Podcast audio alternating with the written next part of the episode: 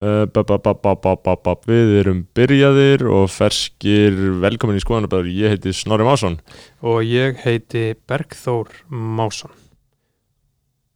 Hver að bakið um að sé bróðir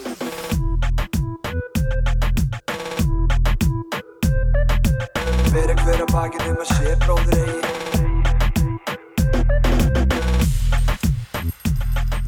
Skáldið sagði að byrjar hverja baki nema sér bróður eigi, við erum bræður, við höldum úti þessu Guðs vola hlaðvarpi og gefum hér út þátt okkur með einasta föstu degi fyrir ykkur fullkomlega ykkur að kostnaðarlausu æfinlega nema því sjáuð ykkar sóma í því að leggja okkur lið. styrkja, styrkja, styrkja á patreon.com leggja okkur lið og þetta er nú engin góðgerastarðsemi menn eru bara hérna að reyna að halda utan um þáttin og það fælst ákveðin rekstur í því. Og eh, til þess þá eru við með Patreon síðu sem er www.patreon.com skástrygg SK og Dana Bræður. Patreon.com skástrygg skoðanabræður það eru þrjár áskiptaleðir uh, 5 dólarar, 10 dólarar eða 30 dólarar. Fáið alls konar nýtt fucking shit við að fara í vesluna og þarna gefum við út á tækjaðanarfresti þætti þar sem við tveir tökum höndum saman og gösum í eh, borgar- klukkutum með tvo. þú borgar 5 dólara þá farið það. Þú borgar 10 dólara þá farið það. Og þú farið þætti á undan öllum öðrum. Þessi þáttur er komin inn degi á undan. Stundum er að viku á undan Aha. fyrir eftir hvernig uh, hvernig líkur á okkur facts. 37 dólarar þá er virðing sett á nafnið í byrjun allra þátta. Sem við skulum kannski gera núna. Um, þetta er svona uh, aðilar sem að eru í áskiptaleðinni Skafaður og það eru Benedikt Bjarnason Geoffrey Huntington Williams King. Hálfdán Sveinsson tónlistamæðurinn Dirb D-E-R-B Kristoffer Daði. Naflind Sverrir Jóhannsson. Tandri Traustason. Uh, Tindur Örvarsson. Hann er nýr, verður velkomin Tindur. Uh, velkomin í Ég fucking vissi hann er bræðlega King. Tómas Óli Eggertsson. Og að lokum Úlfur Árnason. Nei, já, Úlfur Árnason er nýr. Uh, Tindur er gamall. Já, Úlfur. Úlfur verður velkomin Úlfur, Takk. Velkomin í hópin Já. um, já, Svona reyku við þennan maður en að öðru leiti þá eru við með stúdfullan þátt Já. í dag og Þetta er einn af okkar episkusti þáttum. Uh, Alvöru maður. Þetta hefur aldrei verið sagt áður heldur við. Notum yfirleitt uh, æðsta stíl lýsingar orða þegar við þurfum öðru- annar borð að nota lýsingar Einmitt. Um, uh, Það er Benedikt Andrason uh, Hann er tattúari Honnur, rappari Veiðari, veiðimaður Hvað er meira? almennur þekkingamæður leiksins og Já, já, við í skoðanabræðin við leggjum upp úr því að uh, veita insýnin í leikin og uh, sjaldan höfum við bóðið upp á Já. eins uh, skýra og glögga og fróðlega insýn uh, með jafn aðgengilegum hætti í eins óaðgengilegan heim og raunber vitni um hér í þessum þætti myndi ég segja, þetta er gott út frá því þetta er gott Já. út frá því, þetta er veistla og við erum með mikið af borgaralegum hlusturum hlustendum sem eru uh, hrærast í sínu borgaralegu umhverfi þó að þeir hald- viti ekki að þessu borgarar um, þetta eru bara marxist, marxísk hugtök sem við verðum að uh, Já, já. nota til þess að og- reyður og veru, og frá, veruleikan frábært að fá Benna einna því að veist, hann er svona veist, hann er bara búin að koma veist, hann er úr Vesturbænum, mm. Vesturbæðins ón sko, og hann er bara einhvern veginn gegnum árin hefur hann alltaf bara haft hann status að vera bara king í hverfinu skilur, já, bara menn, menn veð þekkja hann bara sem king í Og hann, bara, hann, hann er úr Vesturbænum hefur að held í alltaf búið þar já, já, og, og menn voru um, hrættir við hann. Það- já, einhver hafa verið það á einhverjum tímpúntum Uh, og auðvitað eins og með alla góða menn þá reynist sá átti byggður á uh, sögursögnum, hann er ljúasti maður. Já, en hann er- einhver síður örgulega tilbúin til að drepa þig í einhverjum ákveðnum ástæðum ef að það væri rétt, hann myndi ekki gera það nema að væri rétt. Nei, nei. uh, þannig að á þeim nótum þá, þá held ég að, að við séum helviti góðir með þennan góða veistlu þátt. Já, þetta er Eh, það, hann kemur út uh, föstudaginn 3. júli já, þá á ég einmitt afmæli Já, þú ert orðin þá hvað 25 ára 25 ára maður En mér samt Já. ekki ekkert komur óvart ef það hefði verið, að verða skilur 26 ára eða 26, já, hver, þetta er allt, allt orðið bara ein, ein mikja sko, mér er, eiginlega- alveg sama, ég meina hvað Benny, hann er 27 ára. Já, en hvað er að tala um? Quarter life, er það núna þá sem væri Hva, já, ég er að fara í quarter life krísu sko, Já. aldar fjórðungs eimdina sko. fyrir semdin? Mér finnst það ágætt orðalega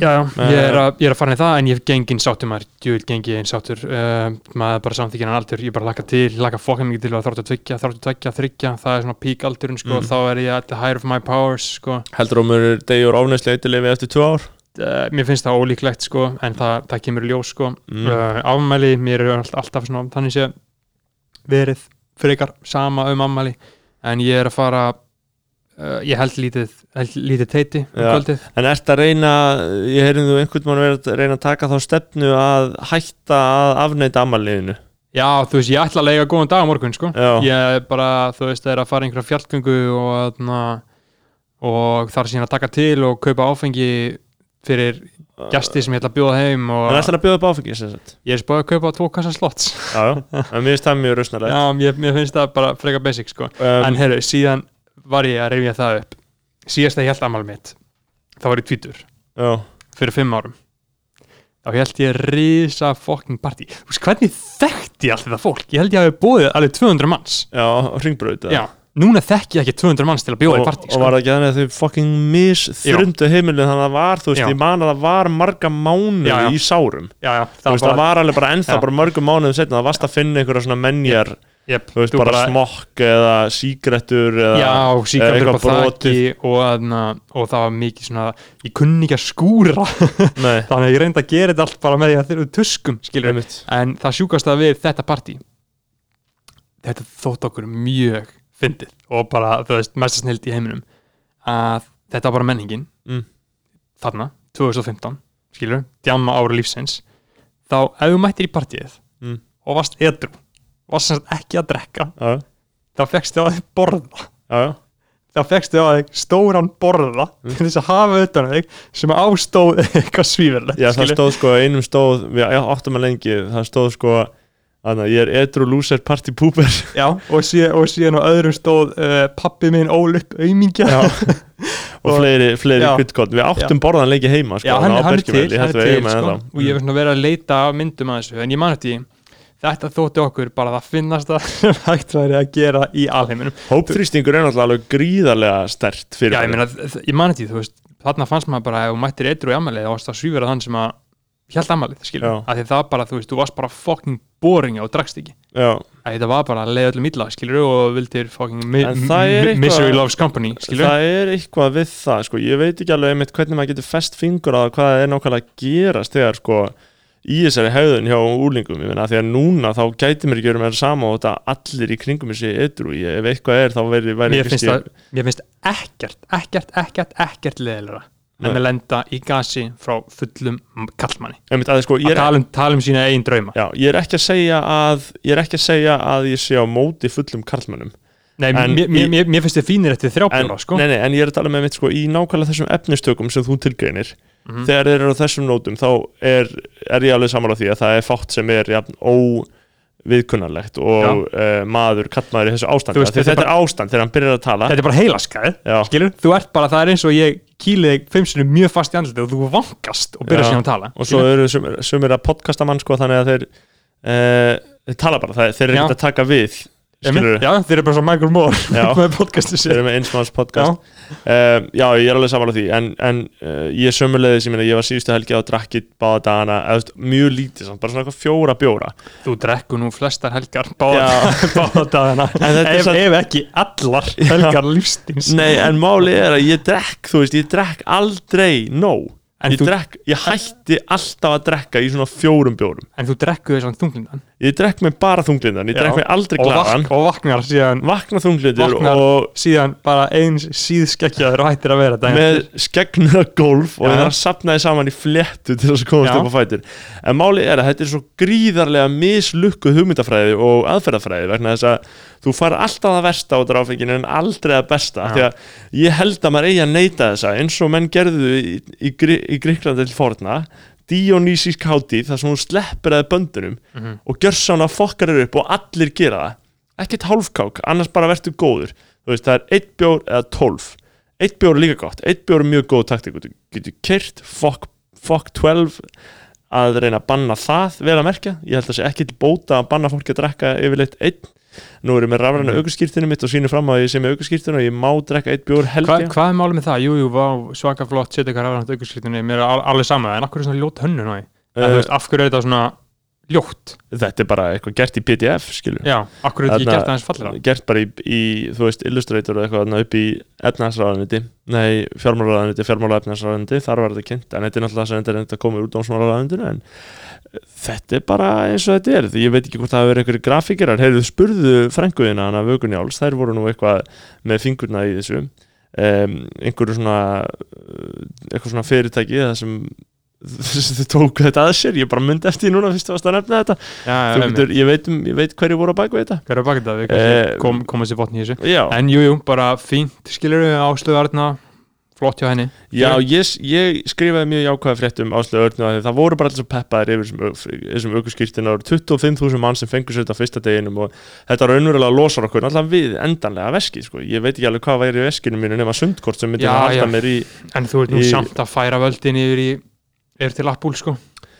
Sem er ekki heilbrið þjóðum, sko. þetta er bókstaflega algjörlega komið úr höndunum okkur þetta, með þessa tæknithróun við bara gjörsanlega erum hægt að ráða hvað gerist með þetta dæmi. Við erum líka með þetta forlæðið kift af þessum öblum einhvern veginn sem er náttúrulega ekki alveg að sama Ja. en storytell, þetta er einhver En stafræn bylting sem við erum búin að missa stjórn á. þetta er bara mjög tákgrænt með Storytel Já, af því að fyrir þá sem ekki vita þá var Storytel sem er hljóðbóka fyrirtæki hljóðbóka streymisveita að kaupa fórlæðið fyrirhundi samstarfsæðal okkar. Mm það var farsælt samstarf. Við auðlýsum fyrir það í fjórum þættum. Mhm.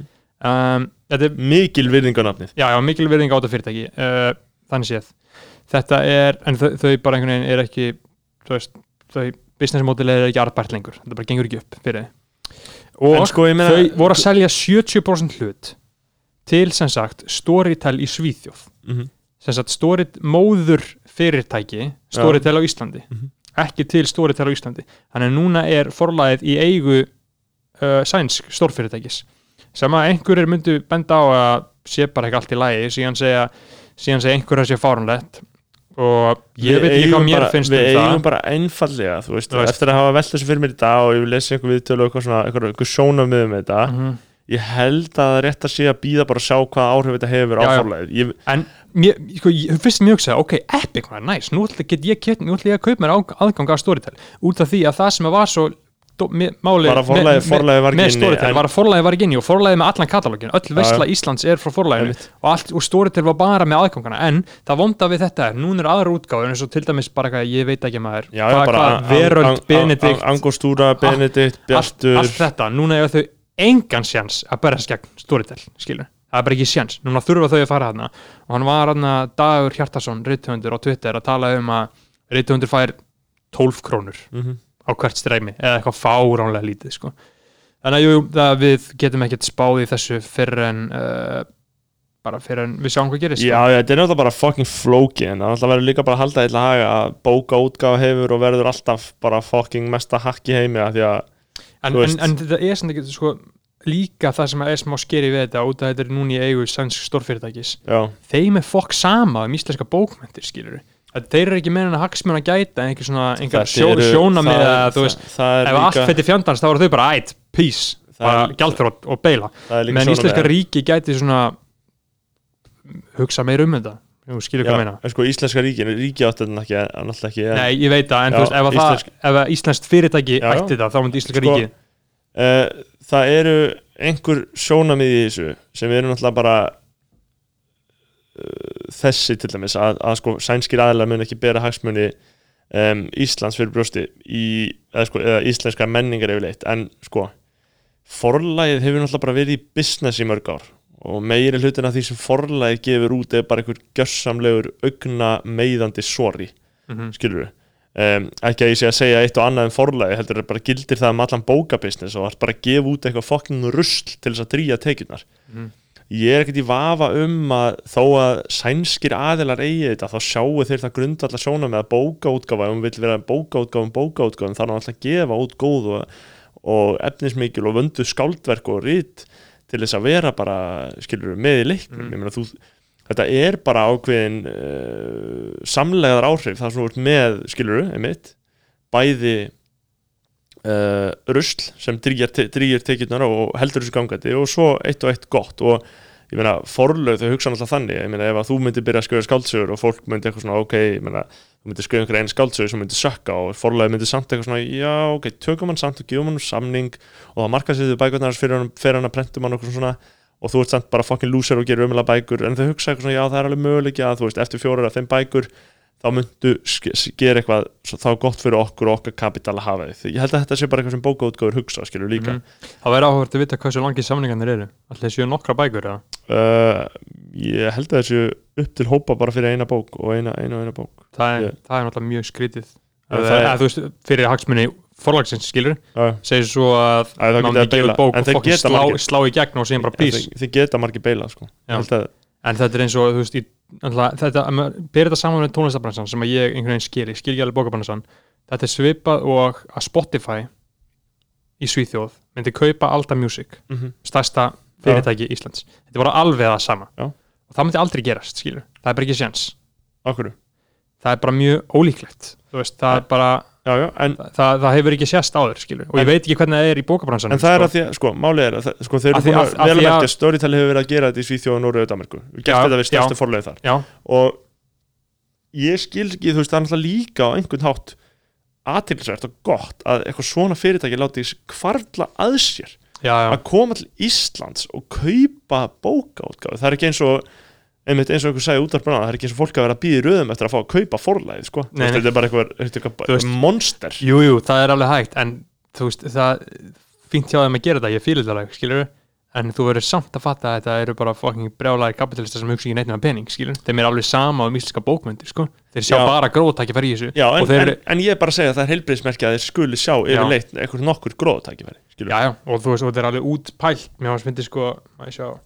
og og það var hérna í, Ég var náttúrulega að vinna á forlæðin en jólin sko, ég var að selja bækur fyrir það að nota fiskislóð. Já, King, King fyrirtæki. Geggja að vinna þarna, gott fólk Mhm. og bara gott fyrirtæki. Uh, og allt fyrirtæki þurfa að skilja einhverjum hagnaði og tekjum Já. skilur, það er bara það sem fólk gerir þú veist það er svona reykur, að þessum fyrirtæki. Uh, en en svo náttúrulega eru þau ekkert hætt. Þau eru ennþá með 30% hlut já, gamla eigendunir og svo eru þau með þarna, uh, svo eru þau með uh, mál og menningu sem er sjálfstætt útgáð fyrirtæki með einhverjum já, og hann er búin að loka málamenningu á lögveginum en við skulum nú ekkert vera að hafa þetta mikið lengra hann eitthvað Nei, uh, alls Við ekki, við að ætlum ekki að hafa þetta svona langt. Glemdum við kannski svífurum aðeins eitthvað þingmennina sem að kursi gegn afklapavæðingu Ha, nei, já, ertu, sko, þannig við tökum það eins hérna. Úf, við skulum, uh, hva, hvað ætlar að segja um það? Ég, sem talsmaður ríkistjórnarinnar, vil benda á að Mm. það, það verður nákvæmlega eins frumvarp samþygt á næsta þingi. Það var enginn að segja nei við þessu. við Fólk les bara fyrirsagni, það var enginn að segja nei við afglæpavæðingu.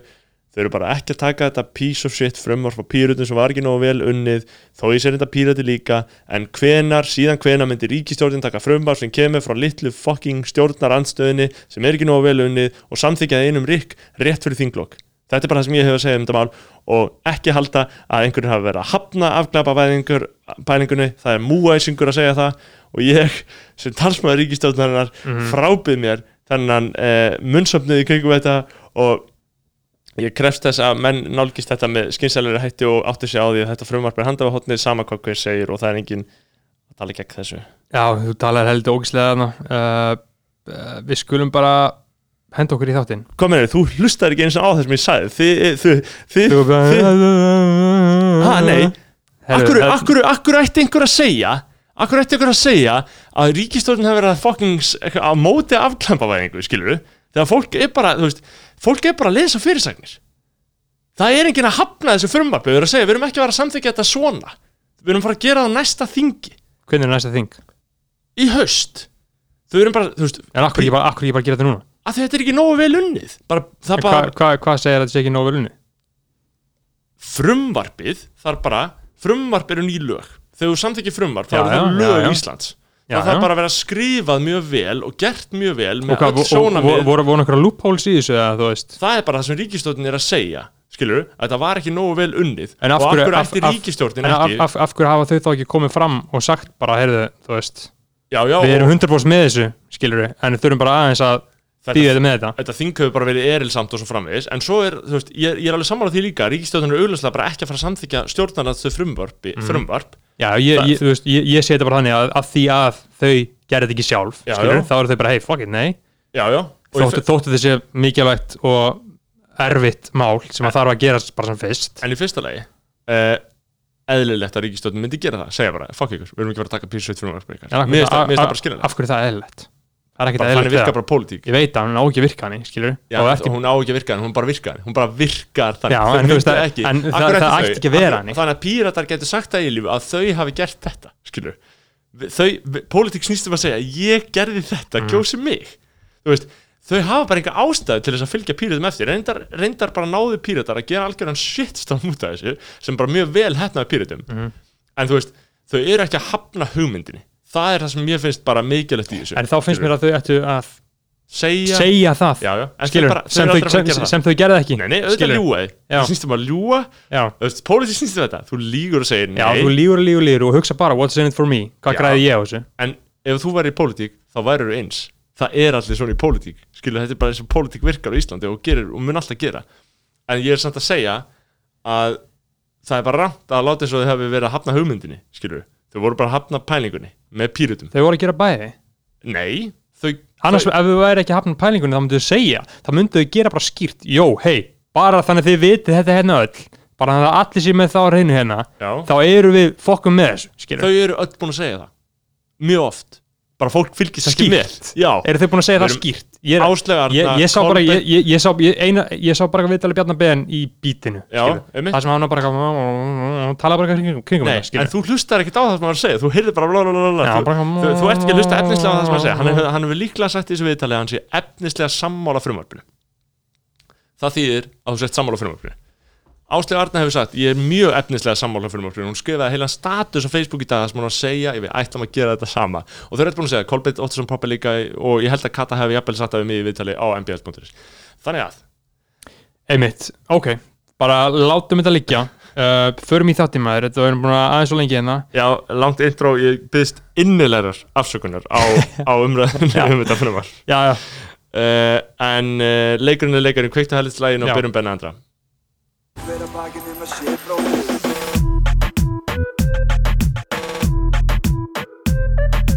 Hver að hver að bakið um að sé bróðir eigi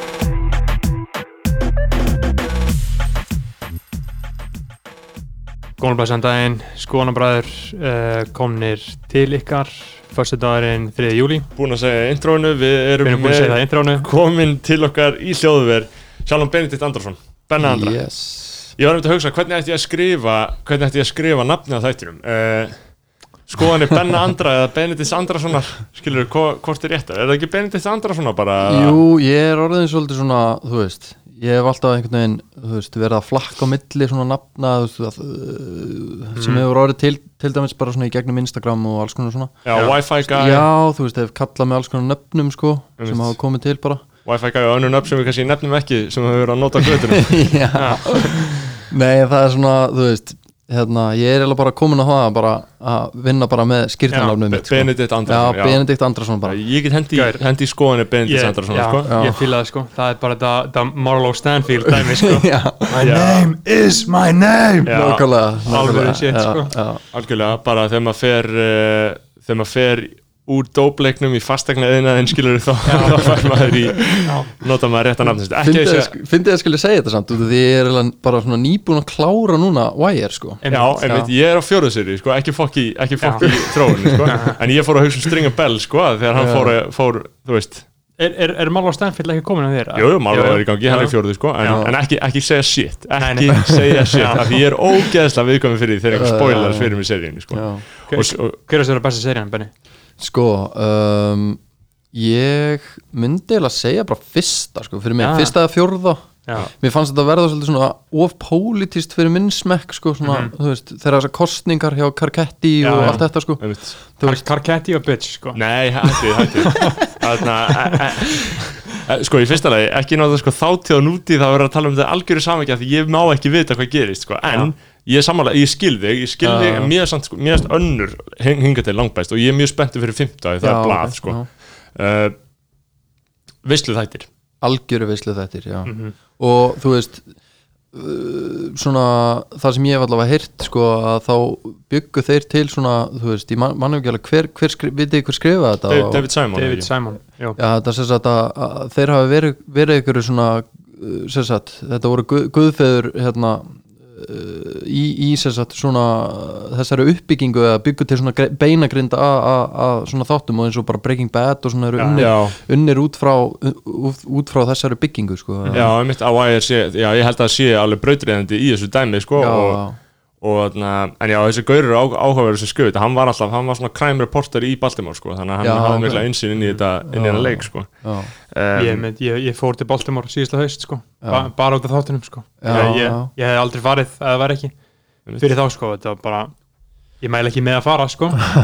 Þetta var ekkert spesborg en þú veist það var samt góð ferð sko. Þarna, Ég, ég man sko að ég, ég hef einu sinni komið til Baltimore actually, já, þegar ég var lítill og ég lendi sérst í því ég var að fljúa þarna um, frá Baltimore til Wisconsin eða eitthvað. Ég man ekki alveg nákvæmlega, ég var svo rosalega lítill sko. Já. en þá sérst að voru, vorum við svona lítill vél bara svona sambarilegri fokkar skilur bara svona Mhm. lítill vél. Og, og þá lendum við sérst í því að hérna, að þetta var miðan, miðanótt vorum, vorum komin eitthvað mega langt, ég heldur við vorum að lenda í Baltimore eitthvað. Og, og þurftum að fljúa í gegnum sko, hérna, þrömu storm sko Fuck. og það fór elding í gegnum svo fucked. Ég var svona svovandi sko. En, en bara mamma sagði mig frá þessu sko. Bara Og- þetta hafi verið rosalegt sko. Það er svo fucked up, sko. Gerðist eitthvað? Reyndar ekki sko, hún fór bara einhvern veginn í gegnum vélina eða eitthvað og bara, þú veist. Varst Shit. þú, uh, misminni mig ef þú varst eitthvað smá staðsettur í bandaríkjunum á yng- yngri árum, bygguðu þarna einhverju leiti eða? sko, hérna mamma sem sagt átti hérna kærasta Já, sem að hérna var sem sagt hérna um, bjóð þarna í Flórida sko en Mm. það var á þeim árum sem að ég var í Svíþjóð þá, ég bjó ekki með þeim sko nei, ég flutti til Svíþjóða þegar ég var 16 ára og hérna suðal í mömmu þá til hún bara sagði ok, þú færð að Mhm. gera þetta ég vildi fara í snjóbreytt á skóla sko Mhm. og hérna um, var, var alveg heldtekinn af því sko, náttúrulega búin að skeita með ykkur annars. hefði mikið sko, Við- veist, við- kynntumst þar Já, já. þar sko það er gamli leikurinn, sko já, já. algjörlega já, um, já, og þú fóst bara beint eftir grunnskóla já, já, til Svíþjóður eða? algjörlega já. og var það ekki hefi eða? það var rosalegt sko það var rosalegt Er sko. þessi snjóbrett skóla, er það ekki vel fucked up? eða? Ég, ég menna, þú veist, þetta er bara eins og bara busannar já eru á allt öðru bara kalibri eitthvað sko. bara þriðdagskvöld eru bara eitthvað gubba okkur annan og putti ykkur í rassin já, bara, þú veist, reykja, þú veist, rassár í, hérna, í vapningi, skilur og Já. bara og, hérna, og bara, þú veist, í eitthvað svona veist, þetta er bara rugl, bara, þú veist ég til dæmis, ég ætti ekki eins og að segja frá Jú, þessu, hvernig er þetta, hvernig er þetta. og ég, ég ákvaða hann, ég ætla bara að láta allt flakka skilur, en, en það er sem sagt, þú veist, jújú jú, maður hefur gert þarna sérstaklega, þú veist, ég tók, tók þetta alveg á mig, sko, og hérna og þú veist, hefur sem sagt borðað, þú veist, ommilettu sem að, hérna, það sem að einhver ágættu maður Já, er sem sagt uh, kingir hráa meggjum og ælir þeim síðan á pönnu og og ég þurfti eitthvað aðeins að smakka þessu sko. En hérna, já, og ja, sti- stiktir þú sér æluna?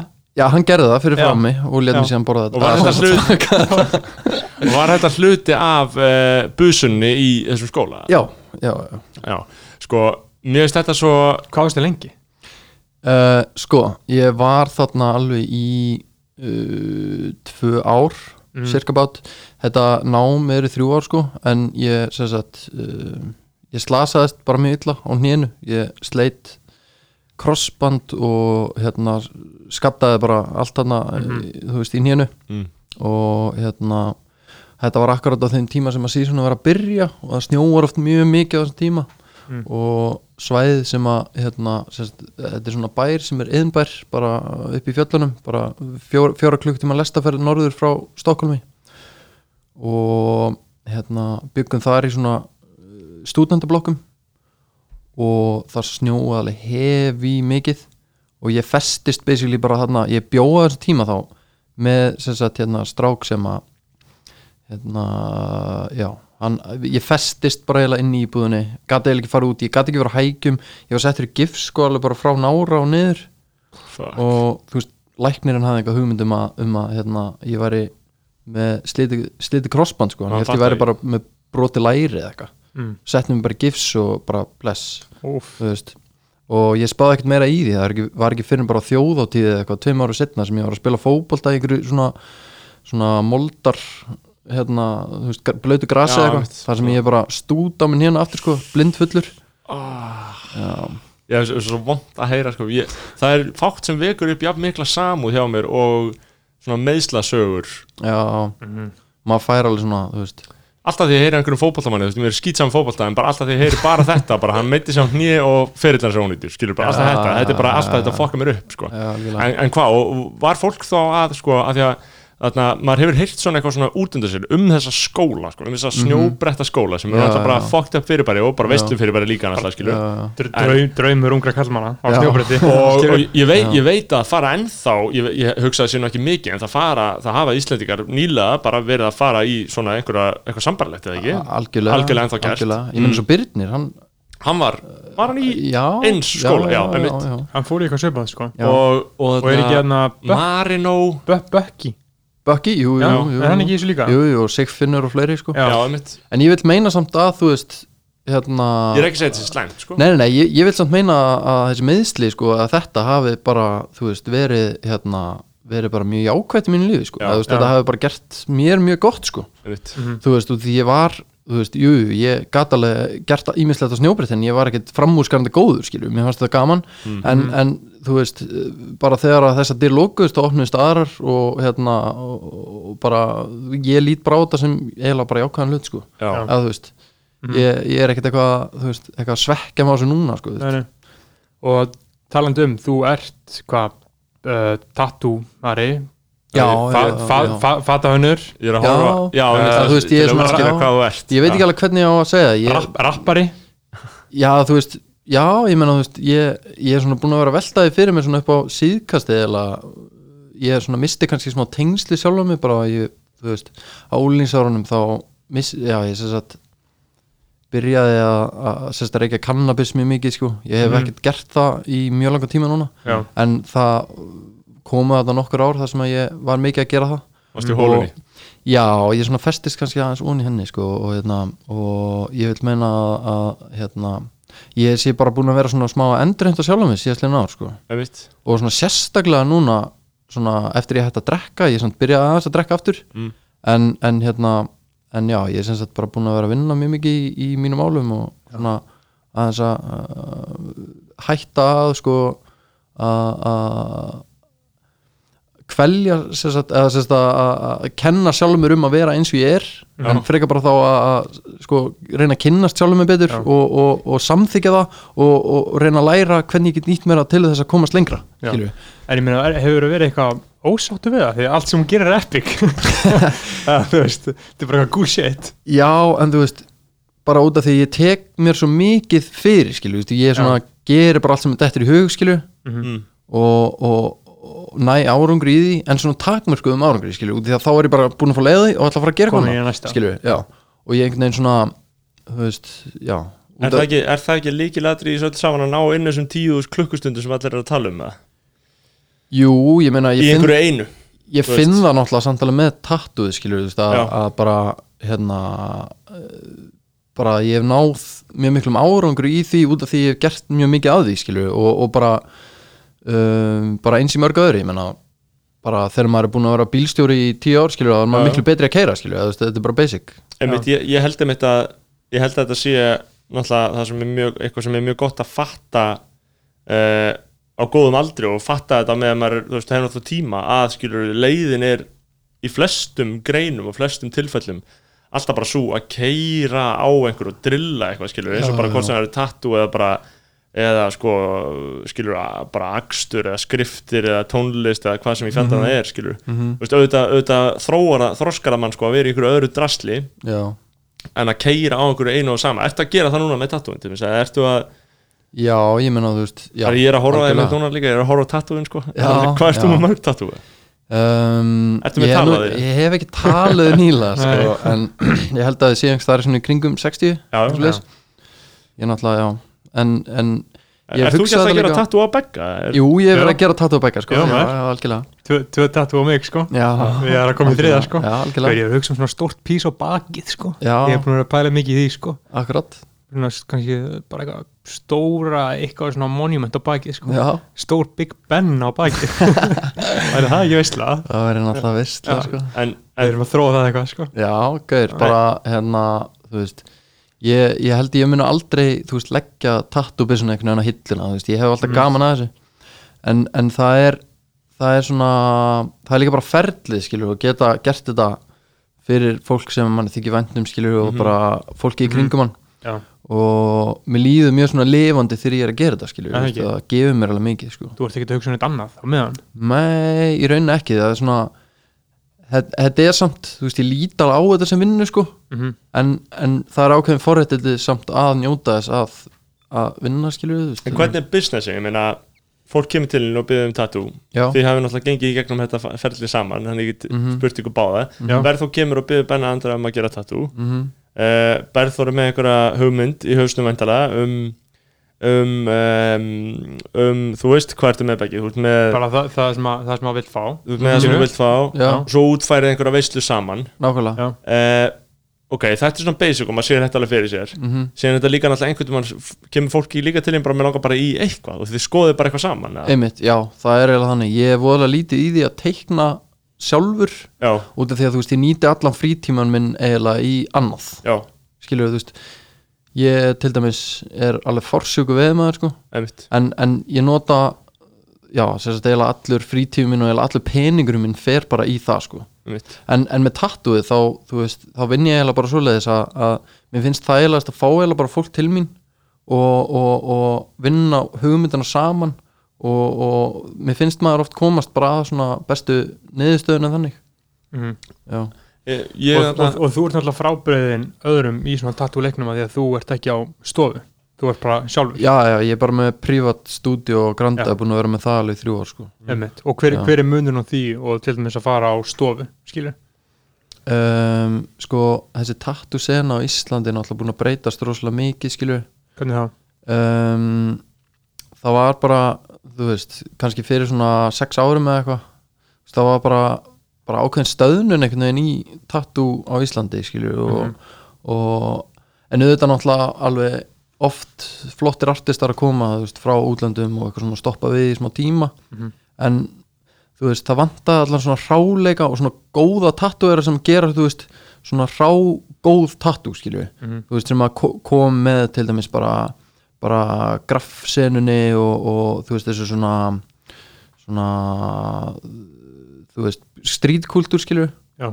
það vantaði allt það einhvern veginn og, og og það var bara sveirum fyrir, þú veist, fyrir mig og, og fleiri til þess að, veist, koma þar inn Mhm. og, og, og sinna þessum svona jáðarhóp einhvern veginn einmitt, ég er að hugsa sko hvort að strítkultúr um, hafi þá orðið til á þessum tíma erum við að sjá eitthvað, eitthvað ris í slíku í Reykjavík, skilur einhvers konar þannig menningu Er það að þú talum bara að fyrir svona sex árum eitthvað já svoleiðis? ég er bara alltaf í tattúinu sko allavega í Já. tattúinu já, þú veist um, þetta lí- er alltaf göturnar hafa alltaf verið göturnar, skilur já, já, já En, en það trendaði tattoo, skilju, þú veist, það, það varð að einhverju Já. svona mega trendi, sko ég myndi halda Já. einmitt að þetta hafi frekar bara einmitt orðið þetta mainstream einhvern veginn, Já, að já, já. allir vildi fá sér nett tattoo, Já. skilur en fólk samt sækir meira til þú veist, til okkar út af því að við erum skilur hérna veist, uh, við erum ekki bara að drita út tattúum skilur Nei, við erum ekki bara að gera þetta, veist, ég tek engin volkin og er bara að gera eitthvað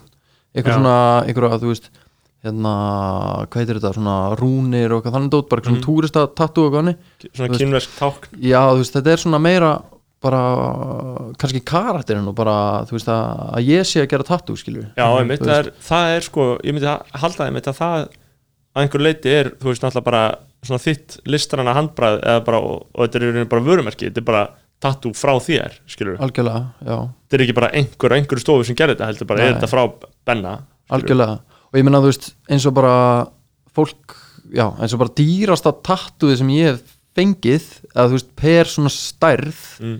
er verst gerðasta tattú sem ég er með já, en það er bara út af því að gæin sem gerða það er bara hefi merkilegu gæi skilju Já. Og mér langaði bara í tattu frá honum því að hann á, á sér alveg klikkaða sögu skilju Mhm. og það er það sem að veist, ég það vildi er tengingin.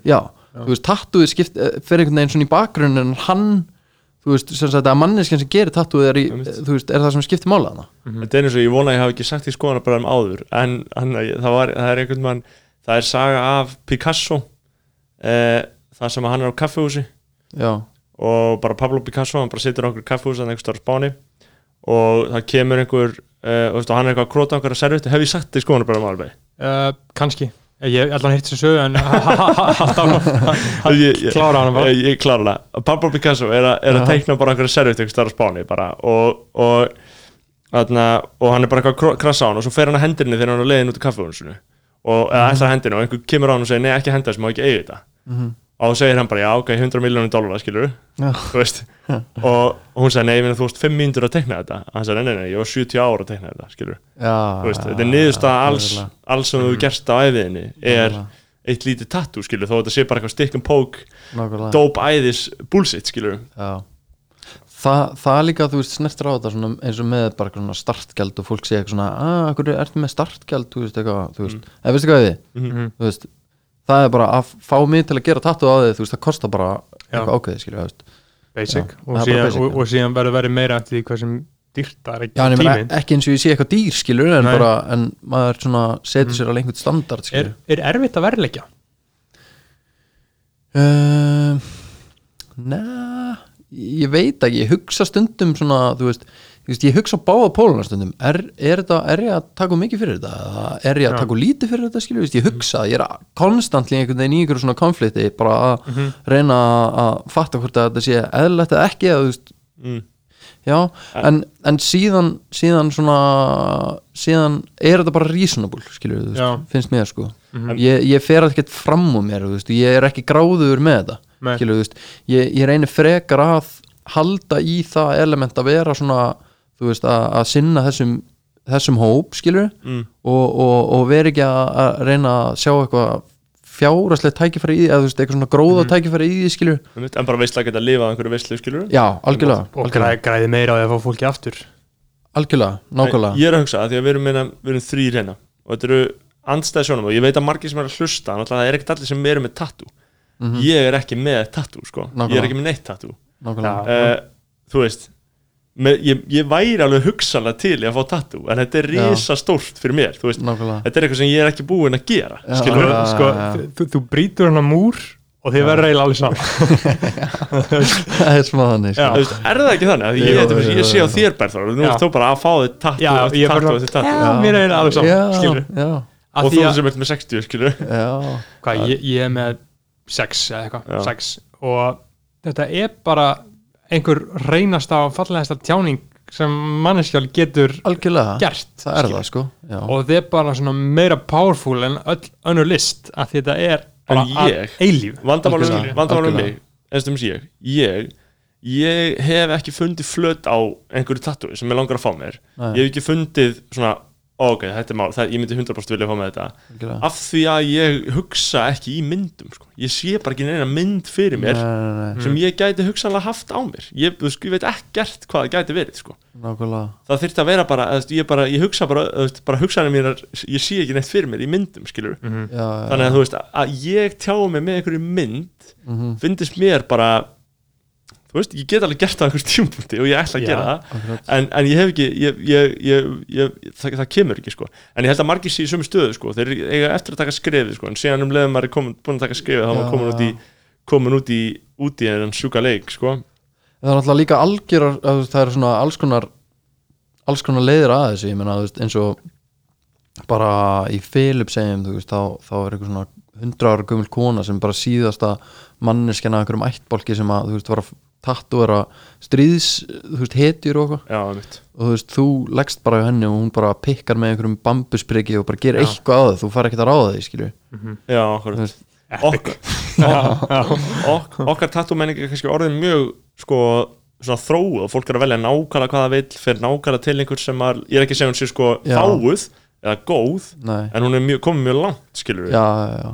Þetta er ekki bara eitthvað svona frumstæð atömm sem við gerum bara síðan svona skilur við nei, nei, en það er líka ógeðslega mikið af einhver svona veist, ég, ég, ég segi það alveg eins og ég er. Ég segi það alveg eins og ég er ég, alltaf, ég segi alltaf skoðanum mér skoðanum að það eru margir sem ég horfi á og hugsa þú verður að róa þig með tattooin já, já skilur, ég, er ekki, ég myndi ekki já. segja við þig að þú ert alltaf sensei og með flott tattoo en það eru margir Já. sem ég horfa á og hugsa já já ok, þú getur ekki bara farið að fengið tattoo í hvert einu skitt sem þú finnir eitthvað smá tóm inn í, inn í hjartana skilur. Nákvæmlega, þetta, þetta er náttúrulega bara eins og allt annað skilur, þetta að verða, hægt að verða fíkill og, og eitthvað þannig sko, já, 100% sko. sumir sem enda bara að þekja sig allan af, af, af bara Já, einhverjum litum já, já. rýtingum skilur, Já, já, já. rýtingur, síðan er hauskúpa síðan er, nákvæmlega, Þetta er- þetta er sveipupæling og kaupa sér einhverja nýja fokkin þetta flík skilur, nefnir já. miklu betra já, skilur. þetta er eitthvað svona veist, mað, það er engin tilfinning eins og að vera glæðin í tattoo sko. Og að þú ert bara geðið sáttum með að búin að hugsa um það lengi og pæli í því svona, já, já, algjörlega. Það er það, og líka þú veist það var eitthvað svona piece of shit, rusl, fordómar frá einhverju heimsku fólki í samfélaginu og getur ekki fengið vinnu eða eitthvað. Með tattoo, þá bara vil ég ekkert fokkin vinna þar nei, nei, ég menna þú veist, bara haf, haf, eigið þið gott líf skilur, ég þarf ekki á okkur að halda en, skilur, nákvæmlega en ég menna verandi samt með tattoo á mjög sýnilegum stöðum eins og hausnum og hálsunum og, svona, Já. og handabakkinu og eitthvað, ég meina bara öllum, heila, öllum ekki stöðum. sjans fyrir þú þurftir að fara í COVID-19 búning til já, fyrir utan andlitið veist, ég er ekki með tattoo í andlitinu og, og ég sé ekki fram á að ég sé fara að gera það. Nei. en hérna en, um, en þú veist, jú ég náttúrulega hef alveg fundið fyrir fordómum alveg, þú veist á mjög mörgum stöðum sko.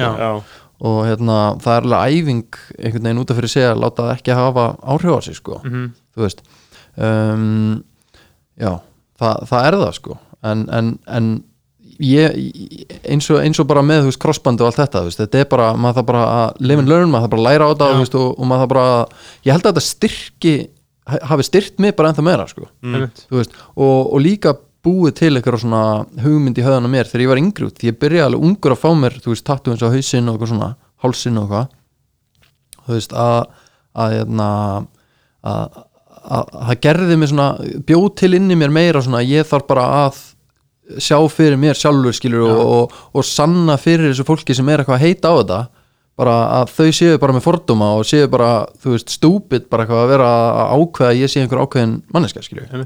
Þetta er eins og að Lil Uzi Vart flúraði, fekk sér feistat til þess að hann gæti aldrei fengið vinni svo hann þurfti að meika já, hann bara gerði það bara og meika það er að það, það tókst. Algjörlega. En það er alltaf dreifur líka ákveð, ákveðin þátt í þessu fram í dagsljósi að sko Um, það er fórhundar staða held ég að þú getur sagt eitthvað, já, fuck a job, skilur sem við þurfum bara að vinna, skilur Þannig að hafa enga, aðra kosti í stöðun eins og þú bæki skilur það, þú þú þér verður ekki neita á grundvöld tattúr, það er meira kannski bara fólki í einhverjum skýta vinnu skilur í, Já, já. í, í einhverjum einhverjum svona, þú veist, eins og ég var hérna á Spáni alltaf, þú veist, ef maður fór á, á einhverjum svona ákvæmna skyndibita keðjur þá var eitthvað svona algjörlega gerkúað fólk með, með einhverjum svona plostræfi tattúrum sínum og piercingunum Já. skilur með það voru að vinna. Og maður bara, sorry, gaur, þú þarft ekki að vera með þetta vegna mín, sko, þetta er alltaf læg þannig að, að það er en þú sagði líka eh, í þessu að eh, að einhverju leiti hafi verið komið inn í þetta úr graffinu. Já, já, það má, Graffinu- segja, það má segja það, þetta er náttúrulega sama shit. Já, þú veist, já hvernig metum við þannig að, þú veist, að við nú erum með alveg fólk í stúdíunum, hvernig metum við graffleikin á Íslandi einmitt núna, hvað er að gerast í þessu? Einmitt að, núna, að ég hef ekki hugmynd sko. Ég hef ekki hugmynd um hvað er að gerast í íslensku graffi. Sko, þú veist er Ég- fólk að graffa? Já, já, það er Já, fólk að graffa Já, Já, já. það er fólk að graffa, sko. Já, já. Um, Ég er náttúrulega hef alveg kúplað mér svolítið mikið út úr þessu, sko. Já. Ég hef ekki verið að spreja neitt rosalega mikið, sko. Svona síðastliðin 2-3 ár eða 3-4 ár. Mm. þá svona hefur þetta breyst svolítið í, hjá mér, sko Mm -hmm. og ég finn alveg svona smá til með, með þú veist, einstaklingum sem er lendið einhvern spreyja á eignina þeirra skilju Mhm. þú veist, ég var alveg all inni í bara að rústa öllu sem ég sá sko, þegar, ég, þegar ég var yngri og mér er alveg sama, Já. en samt labbaði ég ekki inn í sjoppu eða hliðabúð eða eitthvað, þú veist, bara eins og kjöt, kjöt, kjötborga eitthvað veist, ég fór ekki þangað inn með bjór út af því ég er bara virðingu fyrir þeim skilju, Já. en samt myndi ég alveg spreyja á veggin, eða, við þið hvað við? Já, já, það var það er svona einhvern annað. veginn, já, þetta var svona anna, annað dæmi, þú veist, það er einhver hliðaveruleiki sko. Já, já, þetta, já, algjörlega. Þú veist, um, en núna í dag eins og ég sé allavega graff á Íslandi þá, þá hefur það náttúrulega kólnað mjög mikið sko, þú veist, það er ekki jafn aktív sena eins og hún var hérna 2007 og, og svo Nei, leið því að bara þú veist, þegar við vorum til krakkar skilur, þá var þetta bara fucking feitt að vera að púla eitthvað svona shit skilur. Já, já, nettast það sem var, var til og þarna var svo mikið í gangi RTS, Sofer, Locus, maður. SC, MLC, Já. CMF og þú veist. veist, öll mysterían í kringum kegger og eitthvað, þú Já. veist, danska gæjan sem var inn á Íslandi skilur, og, og allt þetta, það var alveg svona það var einhver danskur gaur sem var í LHI eða eitthvað, í skiptinu já, var, neða, ég held að hann hafi verið að kenna eða eitthvað, eða, eða skiptin á mig, ég man ekki alveg en hann er allavega list, listkennar í dag Mm. í einhverstæri kaupmanöfni eða eitthvað Mhm. en, en hérna um, þú veist, eins og bara raðirnar fyrir þetta exotu skilju, þú veist, það, það voru bara 50 manns bara að það var kom brúsasending skilju, það var Mhm. Já. bara fucking bara já, wow, maður 50 manns bara að standa þarna fyrir Já. þetta bara að býða, þú veist, núna væri kannski tveir eitthvað, það er litaland bara eitthvað, það er ný sending og bara, Já. Fatti sko máli er að það sem hefur líka gerst í þessu er að er að ég, eh, og, og það var svo á- áður skilur að fólk fær eitthvað svona að þið fá einhver heimild til að gera eitthvað verka á einhverju stað skilur Já. og þú veist það er mjög algengt það eru fullt af stöðum í borginna sem að bara einhverju góði graffar að fengi heimild bara til að gera eitthvað illa verka á einhverjum ákveðnum stað bara fyrir borginna uh, heldur að ég fór að ímynda mér hana núna allt í einu skilur þetta var svo fucking sturla hæp með Já. við skilur hvernig þetta er núna. Algjörlega. Þó ég náttúrulega hafi enga þekking á hvernig þetta er núna því Já. ég lifi bara í, í einhvern veginn í öðrum heimi en, en þetta var svo styrla hæp en ætli, ætli eitthvað svona verka og menning hafi eðilagt það? Nei, það getur ekki verið. Hvað segir, Þú að, að það að menn fái að þú veist, bara, hey, þið fái bara þessi göng gerir bara eitthvað flott í þeim skilur mm þú veist, hafið dreipið þetta? hafið dripið þetta? Já, ég menna, þú veist um, þetta er náttúrulega uppreist já, skilur þetta er uppreist og, og, og stríðið, þú veist eins og bara Jakob Fríman sko, þegar hann var í bor borgarstjórn Já. þá fór hann alveg bara svona harkur stríð á móti veggjakröti sko, og bara þú veist, og bara hann, hann bara lagði allt upp úr því bara að, buff, að, að, að mála bara yfir allt krót bara undir eins bara Mhm. dag, daginn eftir. Og það náttúrulega Og gerir ekkert nema að peppa graffarana skilur já, þú veist, það, til að byrja með sko. Já, þá gerði það það náttúrulega og bara allir bara fíluðu þetta sko. En síðan náttúrulega þú veist hækkaði verðið á brúsum skiljuð, mm fóru úr 500 krónum upp í 2000 skall skiljuð, þú veist bara svona já. hægt og róla og, og buffið var bara harðara og harðara og harðara og harðara. Og síðan bara, þú veist, ertu bara að eyða skiljuð bara, bara 10.000 krónum á einu kvöldi þú veist, eða þú ert ekki að stela brúsunum skiljuð, Mhm. þá ertu bara eyða 10.000 krónum bara á einu kvöldi og svo er það bara að fara daginn eftir þú veist, hver, hver gerir það skiljuð, Já. það meikir Og- engan sens. og þetta er áhætta Og- þetta er á þetta, það er ekki gaman að vera tekin með einhver eigna spjöll. Nei, þú veist, ég var orðin 23 ára gamall þegar ég þurfti að, veist, hérna sofa í fangaklefa, skilur og, og hérna, og var ekki sleppt fyrir en klukkan 5 á aðfangadag, sko. Þú veist, ég var, var tekin, skilur klukkan 8 um morgun á, á hérna, á, hérna, þorlagsmessu, skilur eða, þú veist, á, á hérna, á aðfangadags morgun, sko og hvað bara, löggan náður in action, eða? Já, hún, hún eldi spórin mín, sko, í snjónu Jú, jú, Shit. jú, maður. Eldi spórin bara frá spottinum Já, og heim. Já, sem sagt, þú veist, ég man bara eftir því að við vorum að, vorum að, hérna, sem sagt, að gera bara throw-ups bara, þú veist, að bara gera hana vekk hana, Já. þú veist, einhvers þar í borgatúni eða eitthvað.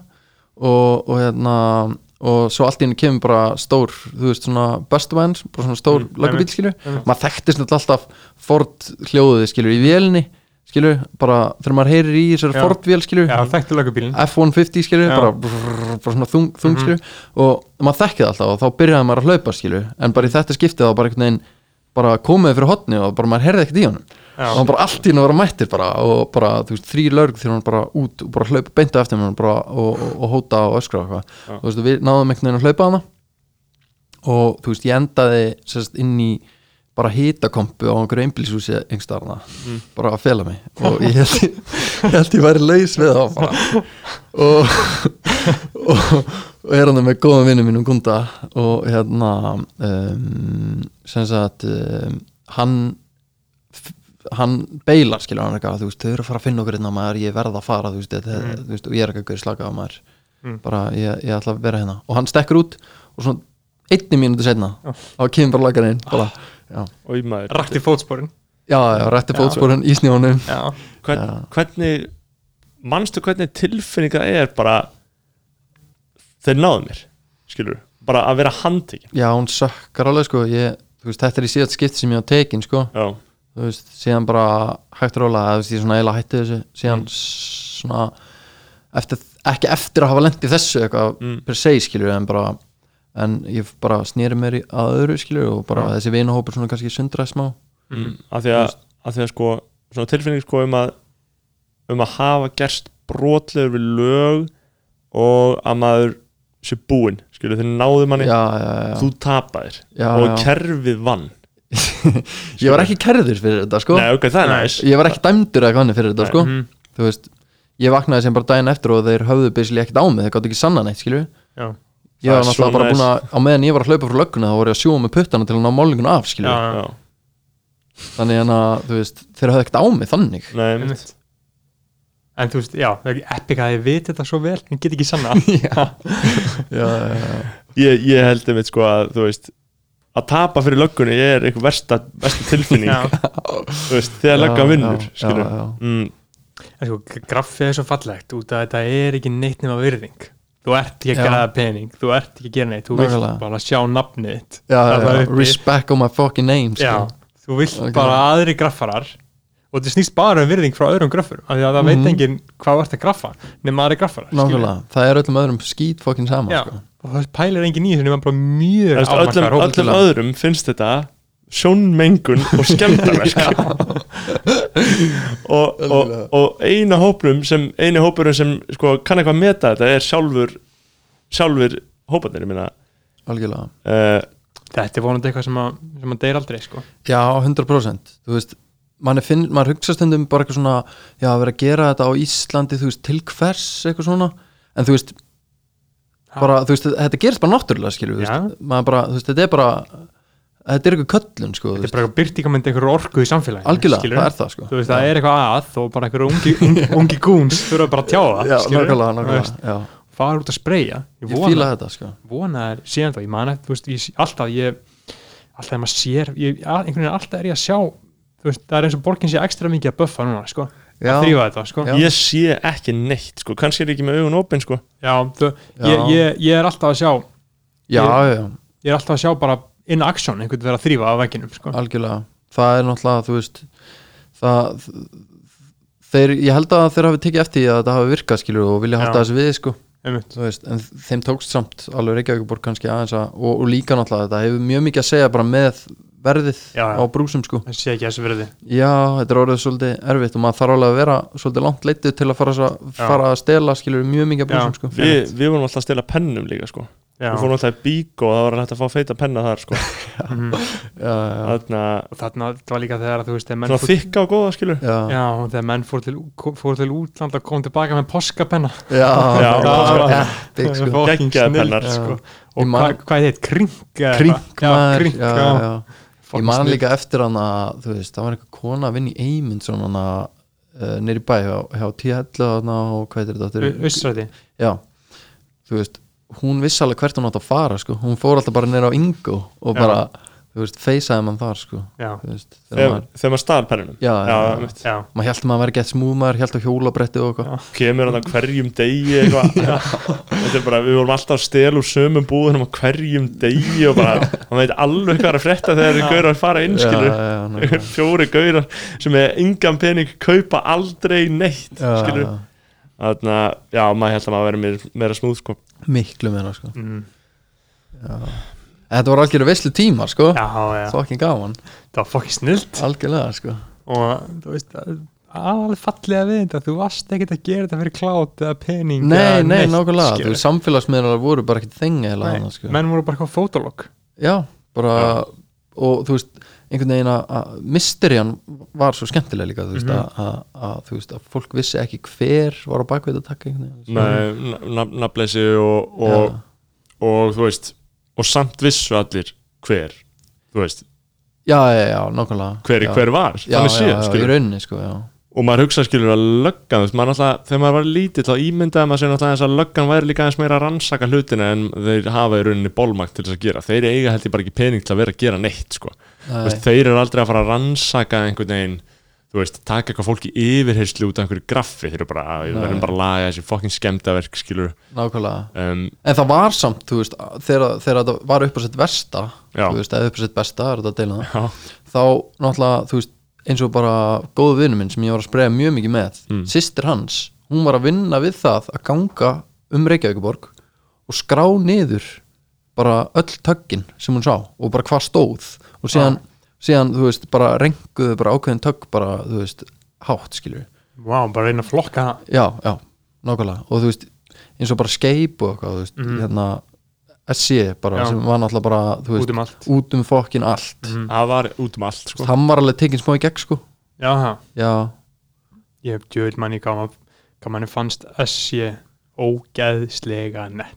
En, og maður vissi ekki hverju þetta voru já, já, já, veist, maður vissi bara að þetta væri bara nettasta krúið en vissi ekkert hverju þetta voru, hverju var bak þetta hvernig þessi gaur lítið út, maður bara sá þetta bara út um skilur og þú veist, þetta var, maður, maður var ekkert með já, en bara maður var að keira eitthvað, var kannski bara eitthvað í grafu og ég heimsókja á einhverju frængu eða eitthvað. Og sá eitthvað þar, þetta bara, ó, fuck já, nákvæmlega þetta var svo nett, sko. Já. þegar maður var, já, bara svona, þú veist e, já, e, myndið þið segja, þú veist, að þetta hafi komið út frá, þú veist, hjólabrett þegar við byrjum að skeita, þú veist hjá mér allavega tengdist ekki, hjá mér var það sko bara í sjöndabæk þegar að Pjessi Gangsta kom í skólan sko. já, gæs, Já. já, maður þegar Já.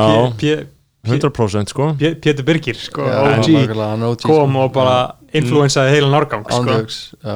Já, en, en þú veist þetta var samt alls ekkert ótengt í minna hjólabrettunum minna, þar voru, þú veist, ég var þar bara sem skilur 6, 7, 8 ára krakki og sem voru að graffa líka sem náttúrulega mestu lúserar já, já, Í bara ógeðislega lélegir Þú skemmt ég, ég, ömurlega, þú veist, ég var bara það, það versta sem hefur nokkurn mann gerst við þetta, skilur og, og ég bara, ég, aldrei, ég gerði aldrei bombu, góða bombu, og bara skemma, skilur ég, ég, man, ég man þegar við fórum út að bomba gistum sko á trampólinu, vorum með trampólinu út að garði. Já. og því að þú veist maður þurfti alltaf að nighttime bomba þetta. Og en já. alltaf maður gæti ekkert stólist út þegar hann bjó heima á sér og var bara eitthvað tíu ára bara skilurðu. 8 ára. Já, já. og við hérna, fengum að gista út á trampólinu og var svona trampólinu garði, vorum eitthvað okkur þar það átti að vera voða mikið þing. Og síðan fóru út fóru út klukkan svona 2 eða 3 um nótt skilur, já. bombuðum upp á einhverjum bílskúr þarna, Á hjá- Tungötu- bræðarbrókastík ekki tungötu, heldur þetta er öldugötu, bræðarbrókastík bombuðum á einhvern vegg þar upp á einhverjum bílskúr.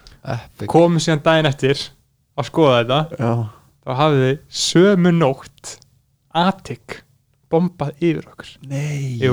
Fokka þessu öllu. Já, og svo var þetta bara mjög fljótlega eftir það sko. Bara sömu nótt það var mjög skrítið. Já. ég, ég man að það var þetta var einhver rosalega tilun sko. þetta var alltaf sumar mm þetta var, þetta var fyndið sko en, en þetta var svona, þetta voru svona helstu æfintur okkar sko, við gerðum Já, ekki mikið já, að þessu, já. við vorum fljótir út úr leiknum sko já, um, en, en það var mjög gaman að, að skemma sitt og þetta er náttúrulega bara einhver ég held einmitt að þetta sé bara einhver niðurstað og afleðing einhverja gremju lítilla karlmanna sko, sem bara, Já, ha, sem bara eru bara að reyna að gera eitthvað sko, Já, og tjá sig eitthvað. Og svo algjörlega. stundum þróast þetta út í náttúrulega bara þú veist, að þú færði að vanda þig við það sem þú ert að gera með höndunum skilur og fattar að þú veist, já, ég get gert eitthvað bara verulega flott ef við æfum aðeins betur í þessu að útfæra þetta og hitt. já, og þessum náttúrulega enduðu mjög margir af þeim sem voru í þessu bara í listum, skilur Nákvæmlega, bara, bara- í myndlist eða kvikmyndum eða, mjög góður hönnur og, og, og Hönnuðir. sérstaklega sko að gera tattoo sko því að það sem að mér finnst sko að, að graffið hafi kent mér í tattoo er bara að leggja niður línuna skilur, bara Já, að gera línunar sko, bara Einmitt. þú veist og þóra að gera þér og gera það smúð skilur, þú veist, einhvern veginn mér finnst, það hafa auðvelda fyrir mér og líka bara þú veist, í graffinu þegar maður lærir sko hlutföll óksla vel Mhm. þú veist, og bara svona rýmisgrind einhvern veginn, þú veist, og hvernig hvernig maður vinnur með, þú veist, að nota líkamann til þess að gera stóra stafi í réttum hlutföllum, skilur, þetta er alveg hefi mikið til að vinna úr og, og, og maður svona læra alveg hefur mikið að því, sko. Mhm. ef það er 100% einhver reynsla skilur algjörlega, og, En þú veist- en þegar við tölum um uh, fyrir úr grafinu yfir í uh, hönnun. Já, þú er náttúrulega með uh, á bakvið Child, já, batamerkið. Já. Child a Uh, lifestyle. Ég man þegar já. voru, þegar voru að ákveða logoið já, mannst ekki hvað, þegar við voru, þegar vorum að ræða þetta í þarna íbúðina á hotnina á skólaveru stíg jú, jú, jú. Í einhverju íbúð þar, ég man ekki alveg hvað íbúða var. já, en ég man bara alltaf eftir því þegar, þegar þið voruð að skoða mismyndu logo. Já, og þá var þetta sem er reyndar ekki á þessum ból, logoið. Nei, nei, nei. er það ekki ennþá logoið samt, Uh, þú jú, það er hérna. Að það miðarinn. Mm. Já, já, algjörlega. Um, hvernig, hvernig, hvernig kom hann til? Hver, þú veist, varst þú ekki einn með þetta fyrst? Nei, sko, jú, fyrst þá, þá var ég og þá var þetta kærasta mín. Já. Gerðum þetta, sem sagt um, gerðum peysur bara árum við fórum í Asjureysi mm og hérna og, og seldum þær, skilju og, og þá fann ég bara hvað ég fekk út, útrið að gera þetta. Mhm. og, og hérna tímaði þá upp setna með bara uh, skólabróðum mínum og mínum eiginlega bara besta vinn sko Mhm. Sigur Ími og hérna við fórum að gera þetta saman. Um, sko ég myndi segja að, að hérna, dræfið í þessu hafi eiginlega verið bara þú veist um, bara að, sagt, að gefa gefa orkuna frá okkur til þú veist, fólksins. Bara, þetta er eitthvað movement, þetta er eitthvað svona ég veit ekki, að reyna að kapsjóra bara, þú veist bara lífið okkar, okkar og okkar hérna bara kynnslóð og, og Mm. það, það sem er að gerast hérna sko -hmm. þannig, þú veist og, að reyna að, að, að, að festa það í einhverju mynd sem eru þarna náttúrulega föt já, algjörlega Mhm. föt, tísku föt uh, klæðinaður bólir, peysur já, þetta er, er mikið bara svona, þú veist eiginlega eins og bara merchandise bara, þú veist, þetta er merchandise brand, þetta er bara um, myndi ég segja þú veist, þetta er náttúrulega bara mjög einföld, einfalda flíkur skilju, bara peysur og bólur og svoleiðis. En, en eins og með tattúin skilju, bara, bara um, það sem er á bakvið það skilju, Mhm. og, og þetta er svona eitthvað moment sko, veist. Þannig það var, það var fókusin með það sko, láð þar sko. Já, og af hverju af, af, af heldur að af heldur að fólk hafi ungt fólk hafi tengt svona rosalega mikið við þetta? Að það var mjög vinsælt og allt selst upp það ekki Jú, ég, ég held að bara við höfum verið með frekar svona skýra mynd og, og, og, og bara nákvæma sko stefnu og bara vissum, vissum og íminn alltaf mjög flinkur í því að, að projekta það í mynd sko. Mm. þannig þú veist hérna um, já, ég held að það hafi bara fólk hafi fundið að þetta væri þú veist, að það var eitthvað svona það var eitthvað sannleikur í þessu. Já, já, já, en sér Þú veist. Joe, Joey líka í þessu eða ekki eða er hann, er hann er, Jú, eitthvað, jú, ég veit ekki jú, hvað jú, er kannski að gera jú. núna en Joey var líka og svo hann Pétur einhvern tímubútu líka Algjörlega. viðriðin þetta En ég menna þú veist þetta hefur samt alltaf bara verið, verið svona passion project við, bara svona Já, hliðað dæmi sko, Mhm. þú veist um, og ég veit í rauninni ekkert þú veist hvað, hvað mun gerast sko, eða, veist, hvert, hvert það mun taka mann en ég, ég hef alveg mjög mikið áhuga á þessu sko og, og mun definitely alveg þú veist fara fara kafa dýbra í þessa pælingar skilur við Mhm. en ég er að hugsa einmitt sko það þyrfti heldur mikið til til þess að maður geti bara verið að hann einhver föt á Íslandi búið til að selja þau og lifa eða ekki það uh, ekki, Jú, jú eða hvað en en ég meina samt, þú veist það, Já. það er hægt sko það er hægt er alltaf alls konar bullshit að poppa upp alltaf, skilur já, já, Eh. þetta, þetta snýst líka bara snýst út þetta snýst út af það bara að- eh, finna einhvern balans sko. þú, Mm. þú þarft náttúrulega alltaf að vera með um, einhverja vöru sem að svona, þú veist að, að, þú selur 100% skilur Mm. og, og síðan að vera með svona þú veist, uh, einhverja vöru sem að eru svona um, meira svona um, þar sem þú ert að taka sjensa og pröfa eitthvað nýtt skilur Mhm. og hérna selur ekkert endilega jafn mikið af skilur en þú veist, þú ert að vera með bæði í gangi skilur. finna millugin á þessu já, já, já, En ég er alltaf, ég er sjálfur í miklu vandur en ég veit ekki, ég veit ekki í, í hvaða fötum ég á að vera, skilur. Nei, Ég er 23 ára. Mm um, ég, og ég veit ekki í hvaða fötum ég á að vera, sko. Ég bara veit Nei. ekki í hvaða fötum ég á að vera. Ég bara veit ekki í hvaða fötum ég á að vera. Veist, á ég að vera í skyrtu á hverjum degi? já, Nei, get það ekki, skilur. Ætti að vera, þú veist ekki, Það er enginn í jakkafötum lengur. Nei, uh, Það er náttúrulega líka svolítið aðriðsverð Það er enginn, þú veist, ég vinn á skrifstofu mhm, sem er bara skrifstofu skrifstofu, sem er bara morgunblæðið Mhm. það er, það er svona einn eða tveir þrýr á allir skrifstofunni í jakkafötum hvað Já, finnst ykkur um þá þróun? mér finnst það bara frábært Þið ánægð með þetta? já, já, kjó, kjólföld kúarans já. En, drast piece of shit við einhverju jakkafötum. Ég, er ekki að segja þetta sé betra. Já, ég ég er ekki að segja þetta sé betra að verra sko. Ég held, ég held að Diddy Fer segir þetta best sko. hann segir uh, Diddy Fer fer ekki jakkafötni í giftingum. Ég er viðhaldin litningum sem halda mér frá sviftingum Vá, hvað er gott. Bara fucking real shit Já, sko. maður. já ég meina en þú veist í hvað fötum á maður þá að vera? Ból sko, þetta er bara klísja sko, en þú bara vel í, vera í því sem að þér liði best í sko. Já, og, og líka bara í því sem að, sem að þér finnst sko um, svona sín þess að það uh, representa hvað býr innra með þér skilur Mhm. Já, mér finnst Það er náttúrulega- alls ekki gera það skilur, ég gæti aldrei verið í jakkafötum hérna.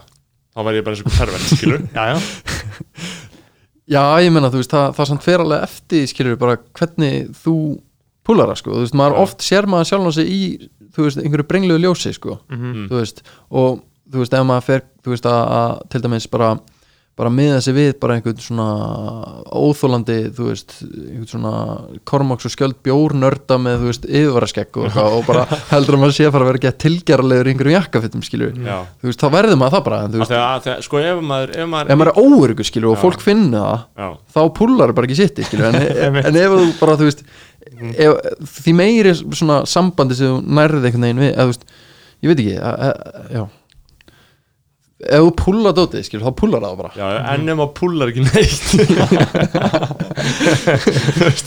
Þú veist, það er vandamáli þá myndi ég bara vilja eiga einhvern ráðgjafa sem myndi segja bara þetta er fullkomlega ásættanlegu klæðinaður skilur já, já, ekki að ég sé, ég er yfirleitt bara í fullkomlega ásættanlegum klæðinaði, skilur Mhm. um, ég vona að þið hafi ekki tekið eftir öðru skilur það Mhm. ekki kynnu að kynnu einhverjir að hafa aðtöðsendu við kvæðina. En, en sko, það er náttúrulega annar punktur í þessum með sko bjórnördan. Mhm. uh, sem er náttúrulega um, á helst barsmiðaskilið en ég þarf fara til það.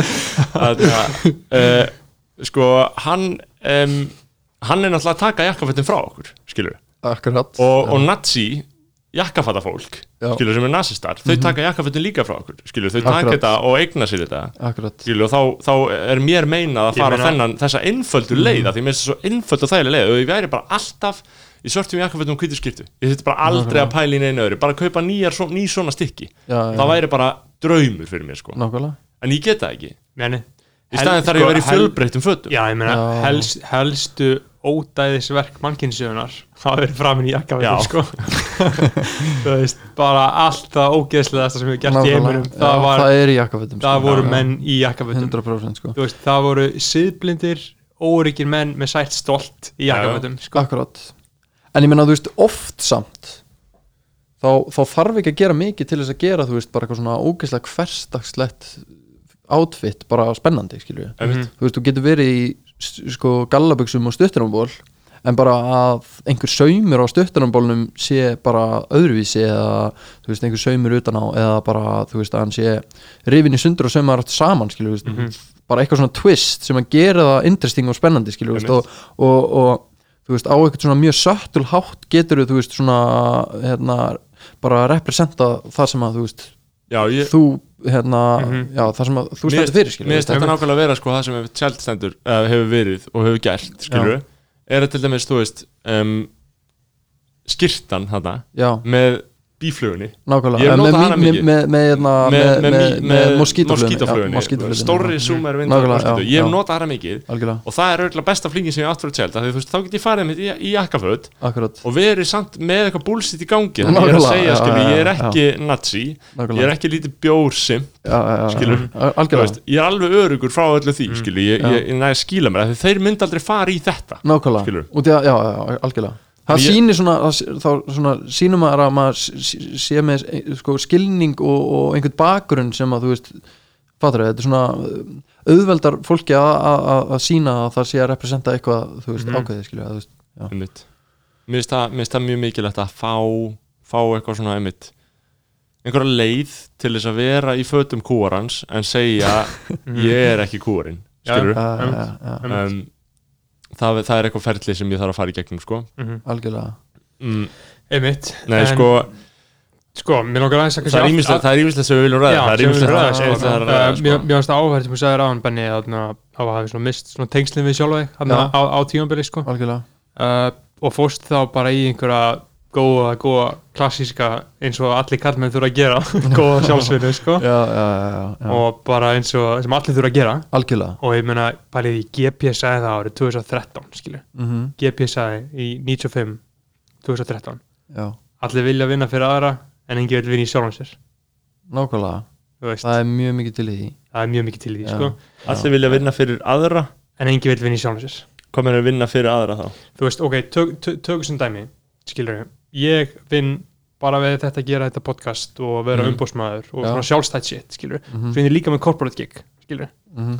og fólk, alltaf ég tala, ég spyr mig hvað er að gera þú veist, ég hata að svara hvað er að gera og fólk segir alltaf svona afskrifar allt sem ég er að gera sjálfur Mhm. sem bara svona, já, já, græði ekkert pening á því hann, er það ekki bara eitthvað svona vesen og síðan þegar fólk frétti fyrir svona corporate wow, maður, Mhm. hvernig náður því maður geggja, skilur, Mm. þú veist fólki finnst svo frábært að vinna fyrir mannin, skilur af því að það er svona nokkuð svona normið, skilur akkurat. Uh, og fólk svona finnst það frábært en gerir svona, ég myndi ekki endilega segja gerir lítið úr, skilur en svona ta Já, tala já. niður eitthvað svona sjálfstætt starfandi, dæmi, skilur um, þú er alltaf alltaf verið sjálfstætt starfandi, en ekki, Benni?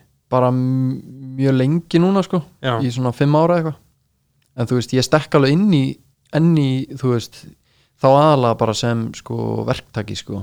Veist, eins og, eins og núna bara Mm. núna í júli þá, þá hérna, er ég að mála innbylshús Mm. Ok, félagi epic. minn sem er veist, og, já, og hérna, ég veiði mikið með Mhm. hann tók að sér þetta verkefni og þú veist, undir venjulegum kringustæðin þá væri ég að, sko, ég leiðsögn veiðilegsögn, bara í stanguði sko mm, og en náttúrulega COVID er, er búið að setja svona sinn strikki Fokka- eða sitt strikki í, í, í þetta sko, og, og þú veist kaninn getur ekki komið og það er svona aðal kunnahópurinn sko. Já, þannig hérna ég hef ekkert fengið eða þú veist ég, það hefur bara ekkert, ekkert verið að skila sér neynir, neynir að þessum túrum sko þannig ég, ég, ég stökk bara inn í þetta og er að mála innbylshús í Vesturbænu núna með, með félagum minnum sko. Svona Mhm. samhliða því að vera hérna tattu vera náttúrulega En að þetta veiði dæmi Ertu þá með bara hópa einhverjum ám og Mhm. bara fara með þeim um ána og, og hvað? Hvað ég hef sko, til dæmis þetta er annar heimur sem, við, sem, ég, sem ég ekki alveg komist inn í heldur skilur já, já.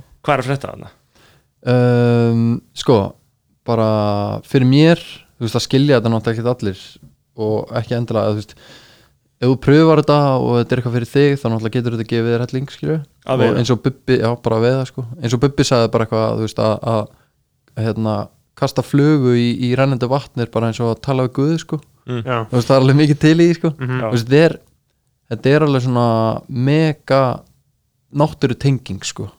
Þú veist, og þetta er mitt svona þú veist, ég þarf ekkert þarf einhvern veginn ekki að stunda neitt annað meðan ég er að gera þetta af því að þetta bara uppfyllir einhvern veginn alla mína hugar þetta gefur mér bara hugar á og, og þú veist, ég get verið einn að gera þetta og, og tengst bara einhvern veginn náttúrunni það, það er eiginlega mikilvægasti vinkillin í þessu sko fyrir utan það hvað maður getur orðið mjög mikið nörd í þessu sko mhm, þú veist og hérna og þetta er alveg svona botlaust sport sko, þú veist það bara eins og golf og er ekki- annað, sko. og hvað er að góða við þetta? að ná fiskinum með það?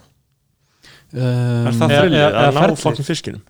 þrillið er ekki endilega að fá fiskin í hendunar sko, það er bara einhvern veginn að, að ná að sko, það er að ná að sko hérna ná að sagt trikk eða að að- sigra fiskin skilja, að, ná að fá hann til þess að trúa því að það sem þú ert sért að bjóðunum sé alvöru eða sagt að það sé bara náttúrulegt eða Mhm. Bara eins og, þú veist, segjum svo bara þú veist, ok, nú ég ætla að útskýra þetta á smá nördalega nátt sko. Já, Ég, gera. ég vil fá það ok, bara ok, segjum, segjum að sé bara að klekjast bara einhver sem sagt, lirfa og fluga í einhverju vatni eða á og fiskurinn er að borða það Mhm. þá, þú veist, fer ég og, og sný bara við einhverju stein í hérna sem ég gríp bara úr vatninu og lít á hann og sé bara hvað er að gerast í vatninu núna, skilju og út frá því þá set ég einhverja ákveðna flugu á línu sérst á, á nælon eða, eða flúrokarbon sem er, þú veist, ég þarf að ákveða hversu þykkan taum ég ætla að nota og, og, og út frá því hvernig veður er skilju, eða hvernig aðstæðnir eru mikið, mikið vatn, lítið vatn. Og síðan, þú veist kasta ég þessu og þetta þarf að sko flæða í vatninu alveg rétt til þess að sko fiskurinn haldi að þetta sé alvöru fluga skilur og það tekur alveg massa mikla æfingu skilur að ná því. Mhm. og, og um leiðu þú fer að ná tökum á þessu þá verður þetta einhvern veginn veist, bara og, klikkað sko. og svo heldur fiskurinn að, að þetta sé einhver veistla bí, Já. bítur. Já, uh, og þá tekur hann upp úr og, og skilur, ef hann er búin að býta agnið þá náttúrulega er maður næstuði með hann. Yfirleitt, vendara, ég veit, ég, ég, ekki já. og það tekur hann upp úr. Og svo er náttúrulega ógslag algengt núna í flestum sem góða ám núna að maður er að sleppa honum eða ekki, eða hvað Jú, það er bara orðiðilega standard sko Já. það er allir mjög hrættir sko yfir sem sagt lagsa stofnunum við stofnin, Já. nei, um stofnin, já já, já, hann svona meðal annars út af þessu eldi vendarlega einhverju Já, marki og, já. og svo bara almennt Já, þú veist, það sem að ég náttúrulega hef ekki kynnt mér alveg svona vísind, að þú veist, ég er engin vísindamaður skilju, en, en, Mhm. en það sem að maður hefur alltaf heyrt frá svona sérfræðingum og svoleiðis, þú veist, það er bara sjó, sjóeldi skilju, þú veist, lagseldi í sjó. Mhm. að það sé náttúrulega sett inn í fyrðina vegna þess að það er bara stilla og, og, og bara sjórin það eru góðar aðstæðu til þess að rekta lags þar. Og, en það sem að gerist sko er að seiðin úr ánum, náttúrulega lagsinum sem er bara bæði vegi mjög merkilegu fiskur þú Mhm. veist, hann, hann seiðin, þau Já. synda til sjávar til þess að fara og borða og stekka Mm. og þau synda út úr fyrðinum en komast oft ekki fram hjá lagseldinu vegna þess að það er svo mikið af hérna, lús sem að sest á lagsin og þar er bara haf af lús í kringum þessi, þessi lagseldi Mm. seiðin synda þarna framhjá og verða bara fyrir barðinu á, á lúsinni sem bara rústar seiðanum skilju Mhm. þau komast ekkert út í sjó skilju þannig að þessi seiðir ekkert að skila sér aftur tilbaka sem, Akkurat. sem stórir fiskar sem að þá rústar stofnunum já, já, já. Og svo er margt annað þú veist bara hérna allt. Já, þetta, en þetta er sko, samt aðtilsvert sko, að því að, að því að ég held að svona megin megin er meitt sko, svona þessi típiska á, áhætta og þessi típiska þessar típisku áhyggjur uh, andstæðinga lagseldis er alltaf bara þetta að sko að um, lagsa sér að slepp úr kvíun, kvíunum og komast upp í átnar og þá fjölga sér og blanda kyni við mm skilur alveg lagsana, en þetta er svona enn annað vandamál skilur sem hlýst af þessu að þeir sé að loka fjörðunum skilur. já, já, algjörlega. Það er náttúrulega margi pólar í þessu Mm. Og, og hérna og það ætti náttúrulega bara að færa þetta upp á land sko. Einmitt, það er bara fokkin dýrt. Það er fokkin dýrt. En en bara En- þú veist kannski borg, væntalega borga sig já, þessu ég sjónarmiði. bara svona þú veist, náttúrulega sé allavega Já, líka. En það hefur eitthvað verið að einhver verið að vinna mjög hart að að, reyna að sanna að það borgi sér borgi sér svona í langtíma já, einmitt. En hérna, já, þetta er náttúrulega bara sorglegt og, og þetta er búið að gerast líka á Norrlöndunum, þú veist Já. bara, mm. vilti lagsin er bara að drepast sko. Einmitt, og, við, og við erum náttúrulega með hann og það er náttúrulega líka túrisma asset að hafa þetta hér, skilur að geta hafa þessar ár skilurðu. algjörlega, ég meina þetta er að gerast svolítið seint sko meðan við löndin í kringum okkur. Er þetta að gerast svona svolítið seint núna og eðlilega ættum við að geta bröðist við þessu mm. en, en það eru bara ómikli peningar í, í, í spilinu skilur og, og, og hérna bara stjórnamennina eru ekki að eru væntanlega þá að stinga einhverjum peningum í vasan og, og er ekki að bakka, bakka náttúrun upp sko.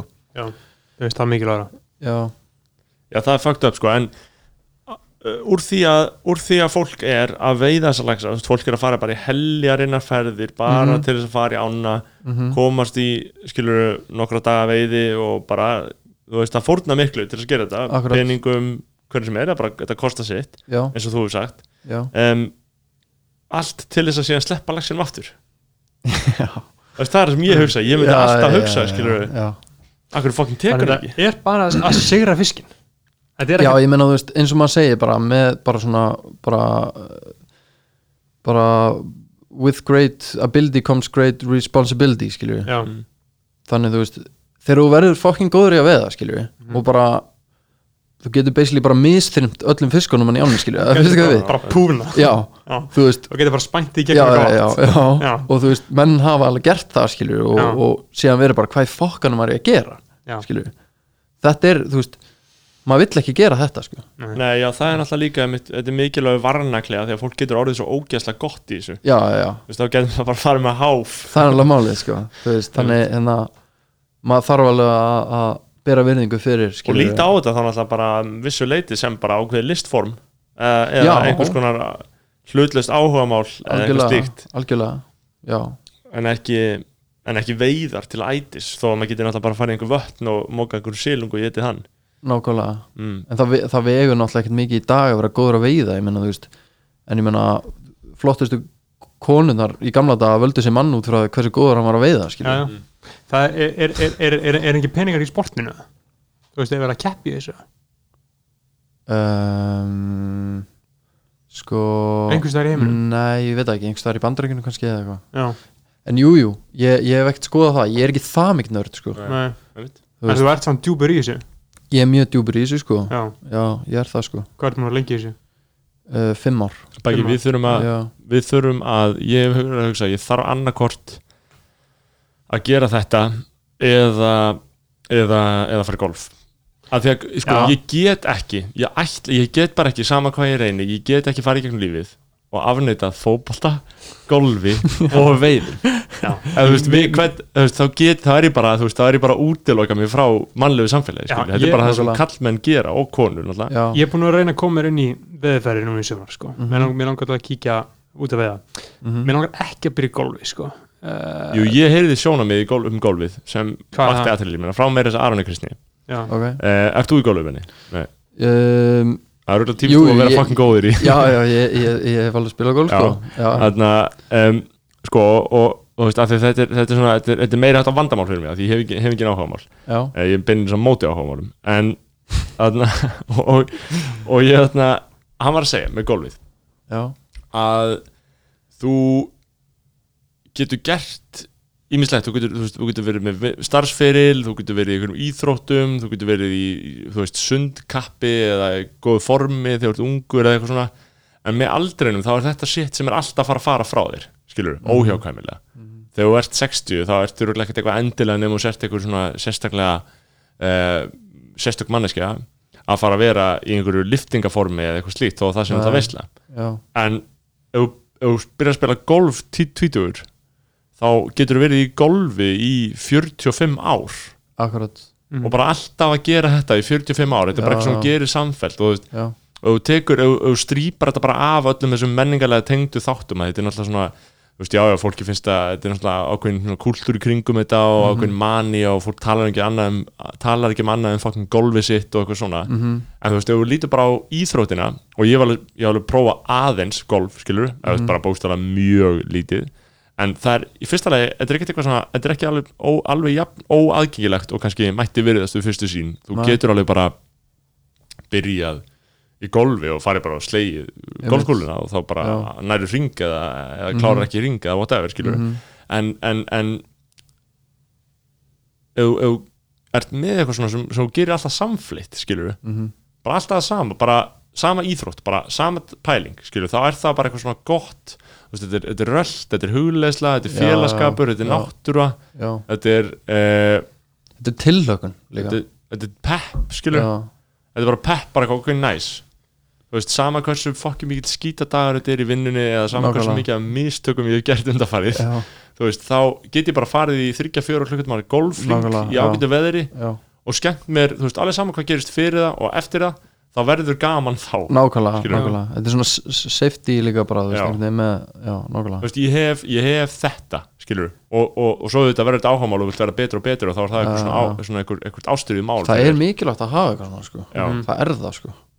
Og ég, ver, ég verða, verða Já. sigurast á um áhuga mála anduðinni, sko.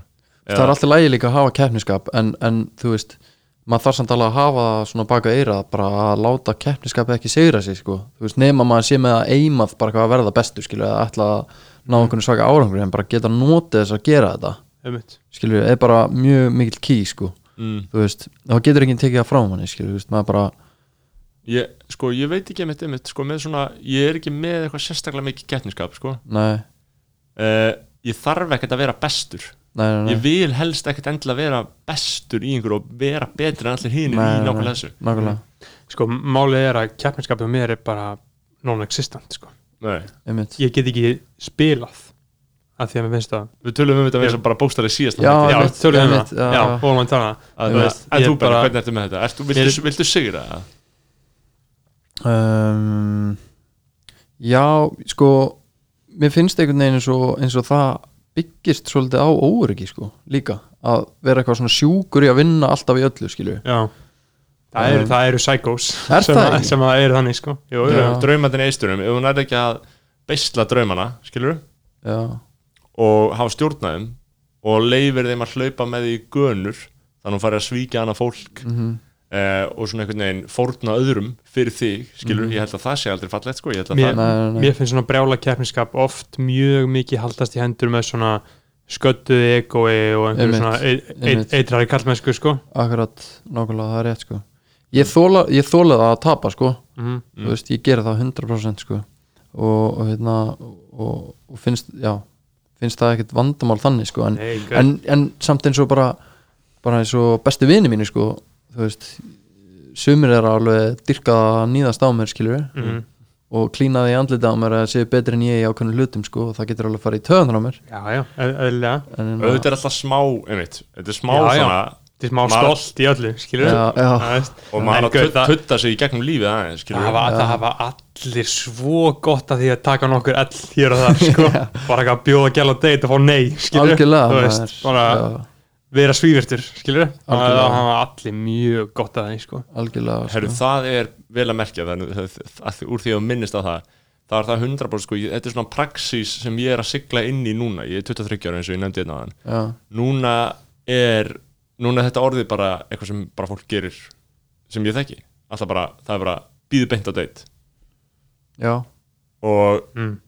þarna, þetta er svo nýtt að því að ég var ég er svo vanur bara Instagram, mhm, eitthvað bla bla bla skilur og síðan bara djammið náttúrulega en fólk þarf náttúrulega að bjóða beint á date út af þessu bullshit þannig kringum COVID skilur mm, miklar ágjur á þessu. Og ég þarf náttúrulega að fara að breðast við þessu ástandi. Já, já. En Uh, um, Það, Þannig- er, það er bara svo það er, það er miklu betur að hafa þetta bara beint í staðan fyrir að vera einhver bullshit með það sko. beina dæmið. En leikurinn er leikurinn sko. Mm. algjörlega Sko, en líka með lagsveðina af því að Já. þannig að við höldum áfram gas um það sko, ekki kannski endla um það sjálf heldur einmitt að þú veist, þú kemur uh, úr uh, úr þarna, þú veist graf, dóp, handrökkun bullshit-leiknum inn í Mhm. ykkur að veiði skilur, já, já Hva, uh, er þetta ekki sport bara fyrir ríkt og fínt fólk eða? Uh, þú veist, þetta er náttúrulega búið glamurisera þetta þvílitt mikið, sko Já, en þetta er líka bara klassíst íslenskt sport sem fólk gerir, 100%. bara venjulegt Já. fólk gerir. Ég meina, þú veist ég held að, að ég held að ekkert, ég bara veit það, skilju þetta er eitthvað instinkt, sko. Já, þú veist, bara að veiða. Veist, við höfum þurft að man, mann, maðurinn hefur þurft að veiða sér til matar, skilju, þú veist Mm. fattar mig og, og hérna og bara þetta instinkt bara ég, ég tengi bara harkalega við það skilju og, og bara já, ég bara þarf að sinna því sko. Ég var einmitt að segja við Bertha Mhm. að, að, ég var einmitt að tala um, tala um ekki við því begge en einhvern annan að, að langa við okkar náttúrulega dó uh, þegar hann var að veiða hann var að veiða 1955 á, ok, á á Ar Arnavatsheið Arnarseiði heitir í, það í Borgarfyrir Úl, Já. Úlsvatn held ég heit, held þetta heit, held Já. þetta heiti hann var, hann var að veiða í matinn uh, og ég held að tengdarsónar hann sá þetta ammali og hann var þetta bara að býða til matnum og hann nei bara kom ekki og þeir, dói sko. báðir sko Ha? tengdarsónar sem átti ammali ég held, hann, sko. ég, var það ekki bara þannig að bátnum koldi eða? Jú, ég held að og fólk, fólk kunni ekki að synda og brota eitthvað vatni skilur. Já, náttúrulega líka bara að vera í vöðlum sko. Þú veist, þegar það er að fyllast af vatni já, þá hérna bara ámaður ekkert rosalega mikið sens sko. Já, Nei. þú veist, og ég hef alveg upplifað þetta. Ég menna bara í fyrra þá var ég að gæta og þá dó maður sko sem að Vá. var í hópnum hjá mér sko. Já, fuck. Í Drukna, alvöru? druknaði bara, já. Fuck, hvað ekki. Þannig þú veist, Úff. ég hef alveg, alveg lent í svona freka hardcore aðstæðum sko. og, og er það bara eitthvað sem, þú veist, er það ekki bara á er þetta ekki bara svona hættulega aðstæðar sem hver er ábyrgur fyrir sjálfu sér eða þannig, veist, uh, jú, í rauninni menna, þú veist, ef að fólk getur dáið þannig, skilur, ég, ég skil ekki jú. Já, jú, algjörlega, ég menna það eru margir pólar í þessu sko, Já. bara, þú veist. En það er svakalegt maður. Mm, það, ég, ég væri ekki alveg að fara í það beint, sko, ég væri meira, meira bara að fara við vötnin að að prófa, prófa mig áfram, sko. Já, en ég menna, þú veist, svona þetta er tildulega saklust staðar það sem að þetta gerist, sko. Já, Mhm. um mitt en þú veist, bara náttúran, sko, maður eiginlega bara svona upplifið það líka þegar maður fer að veða, sko, bara hvað náttúran er ótrúlega upplifið, sko. Mm, og bara hvað bara sekundubrót getur sko, þú veist, bara kostaði lífið sko. Ángríns og hérna, þú veist, ég til dæmis eins og ég hitti fyrir þá þú veist, ég upplifaði svona, svona, þú veist alveg close to death experience dæmi, sko.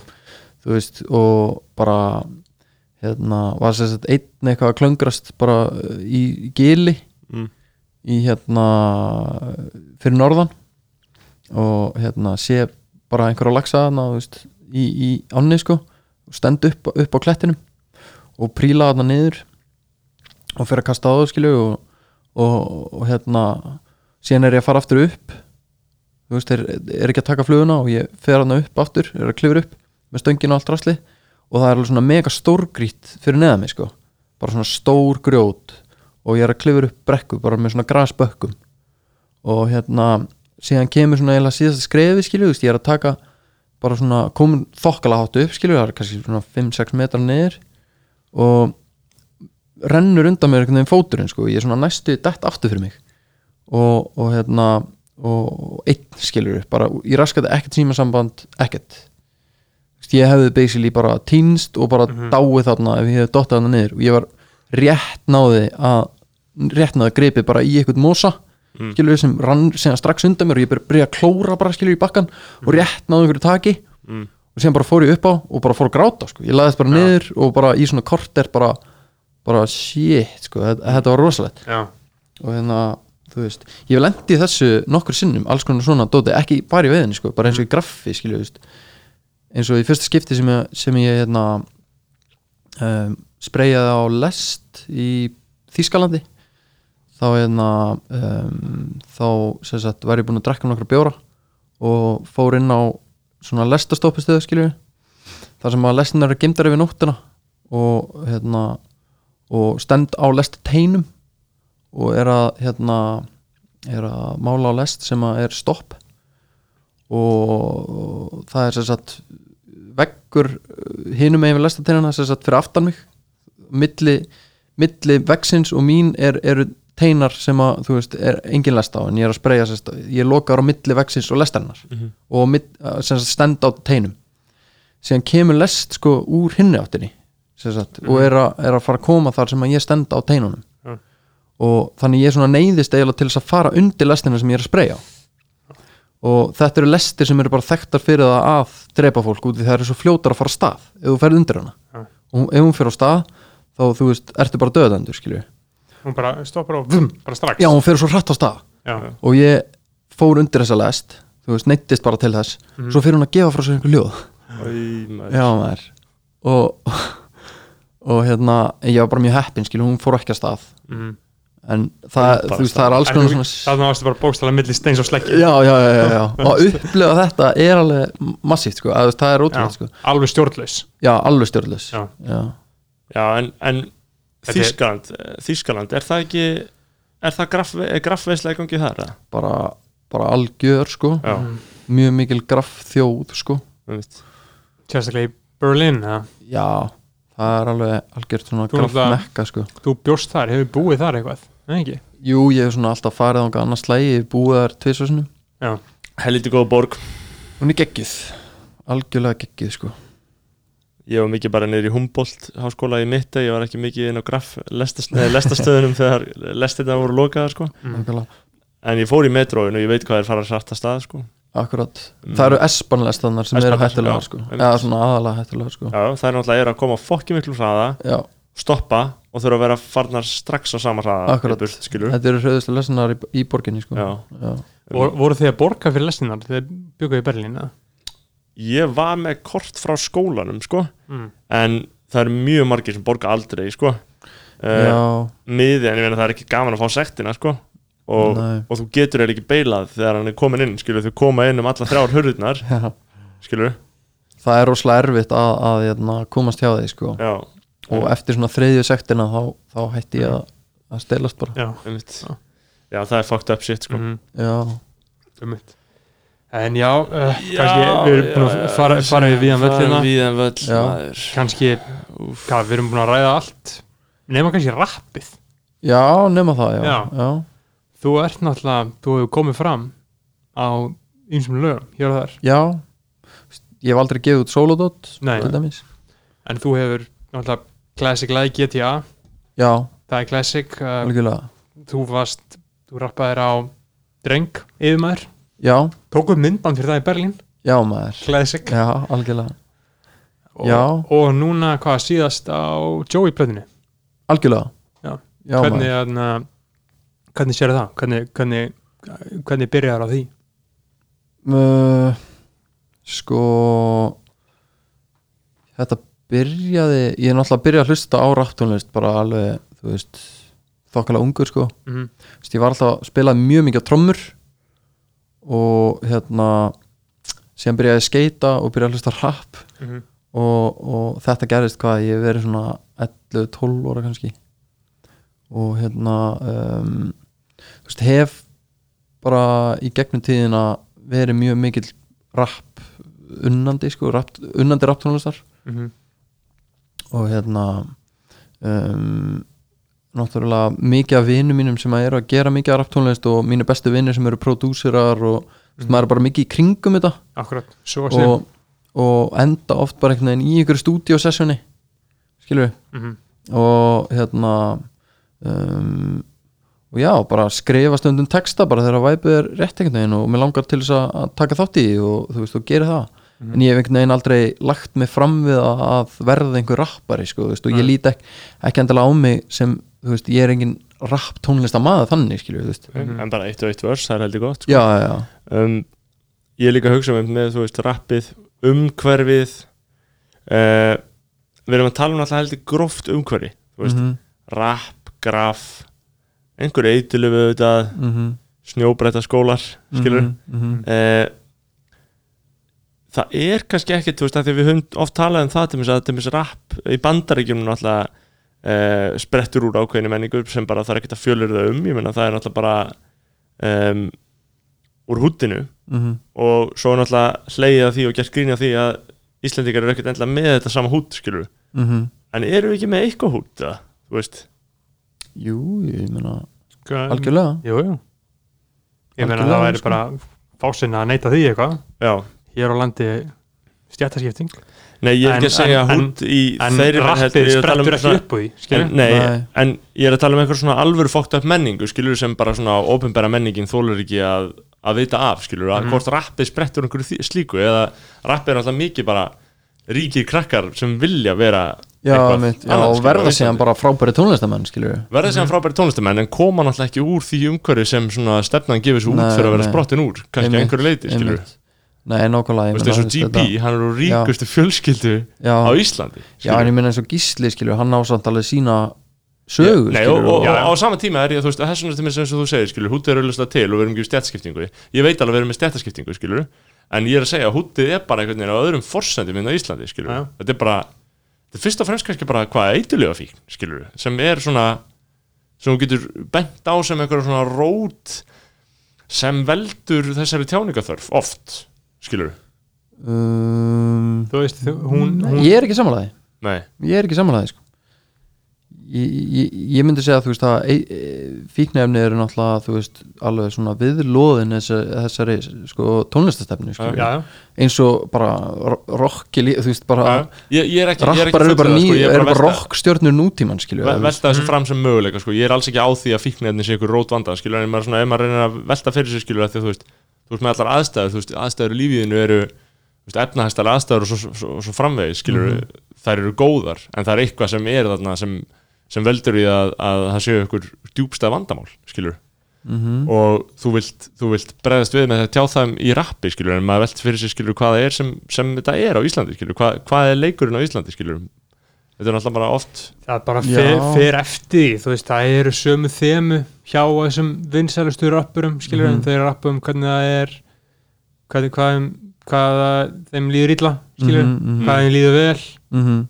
Já, ég meina að þetta sprettur sem allt út frá einhverju svona uppreisnar stefnu, skilju, veist, eins og rapp uppálega er, skilju, mm og hérna um, en út frá því verða síðan til náttúrulega bara stefnur innan raps sem að, sem að þú veist bara að að saftera meira svona, þú veist uh, bara speaker mind og þú veist, eitthvað, svoleiðis, þú veist, eins og bara brautriðindur eins og Riffraff og þú veist Soulja Boy, þú veist um, bara Lil B, þú veist. Bara það hefur svo margt gest bara í, í rappi frá því að það, þú veist, var til sko. Einmitt, þetta er ekkit endilega þarf ekkit að vera sprottu upp úr einhverjum sársöka Nei, nákvæmlega. Með mig, það líka, getur líka bara verið sprottu upp úr bara einhverju veislu sko. Nákvæmlega, sko. Þú veist, bara eitthvað Lil- B bara eitthvað með bara eitthvað algjörð stream of consciousness. Já, en, en, en ég er samt að segja skilju, ég held að oftast þegar við fáum snillingana þá eru snillingarnir, þeir eru handhafar einhvers konar þjáningar já, sem eru að, já, sem já þeir eru að sigrast, sigrast á skilju þeim og það líður er, er- milla. og það er þetta sem maður heyri sko, það er eitthvað sem maður getur ekki útskýrt sem er bara raunverulegt skilur, sem maður heyri Mhm. bara í það getur hver sem er sagt hvað sem er, einhverja texta skilur, eitthvað blaður skilur, en það er Mhm. eitthvað í við þetta skilur, eins og bara með gíslapálma skilur, það er bara eitthvað, er eitthvað x-faktor sem er bara, já, ok, þetta er svona einhvern veginn alvöru. Akkurat, mm, akkurat.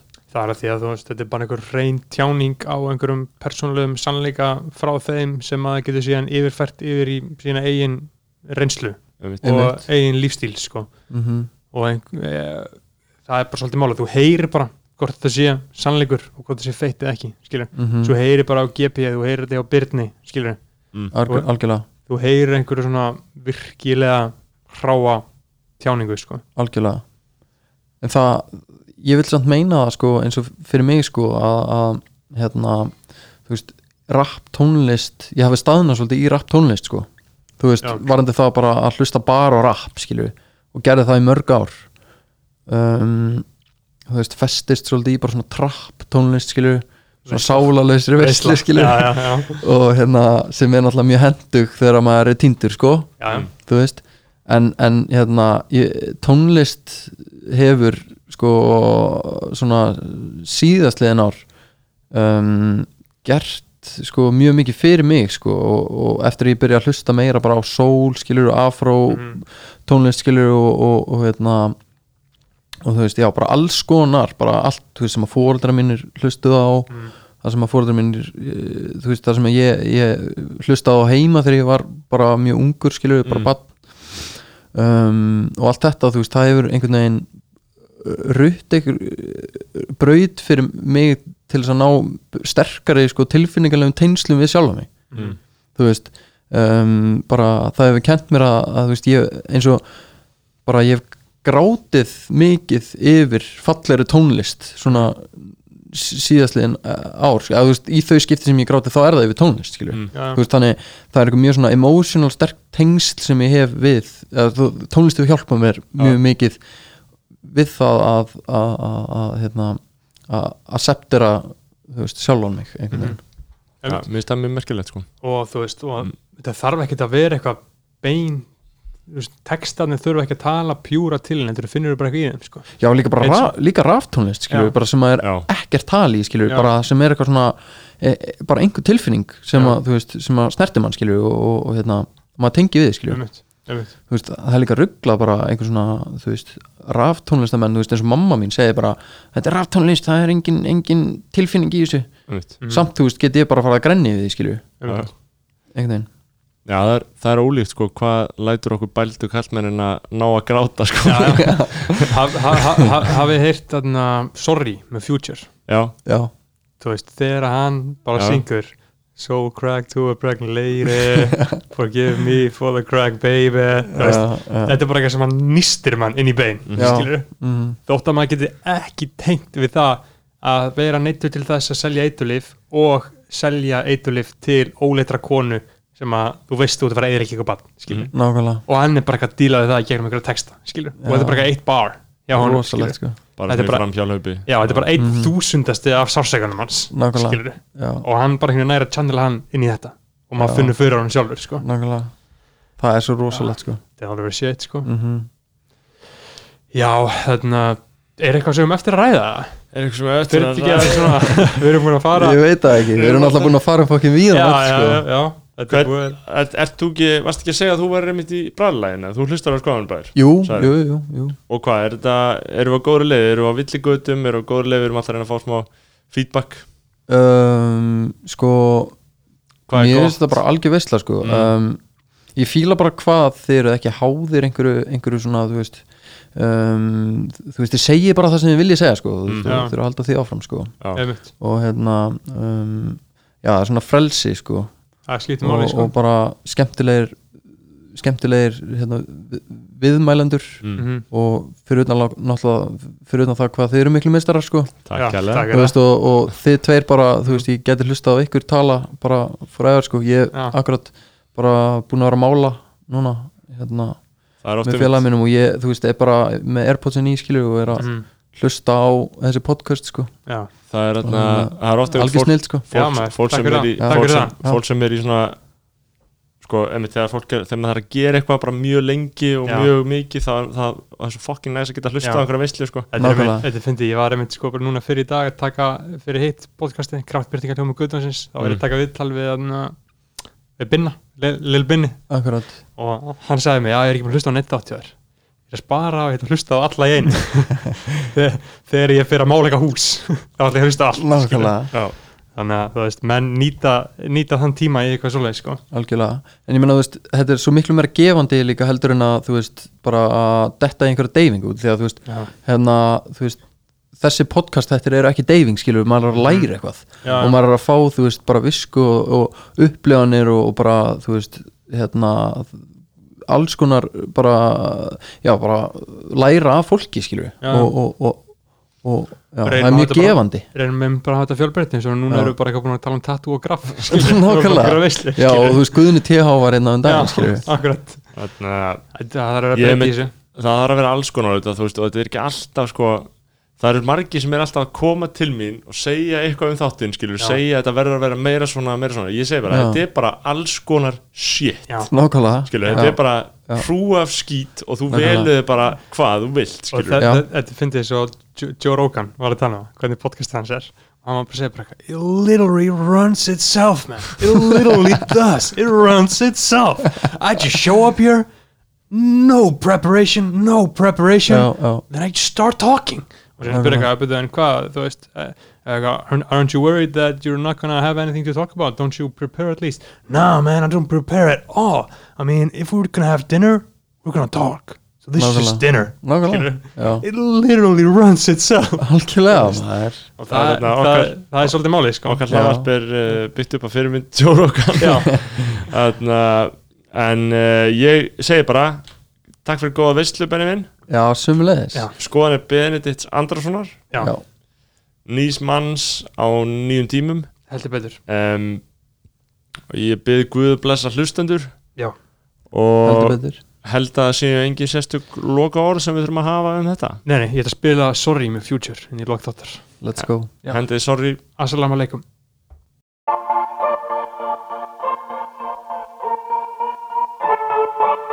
Yeah. I ain't really mean to hurt you. Sorry, it's gotta be this way. I ain't even try to desert you. Sorry, try to be this way. I ain't really mean to hurt you.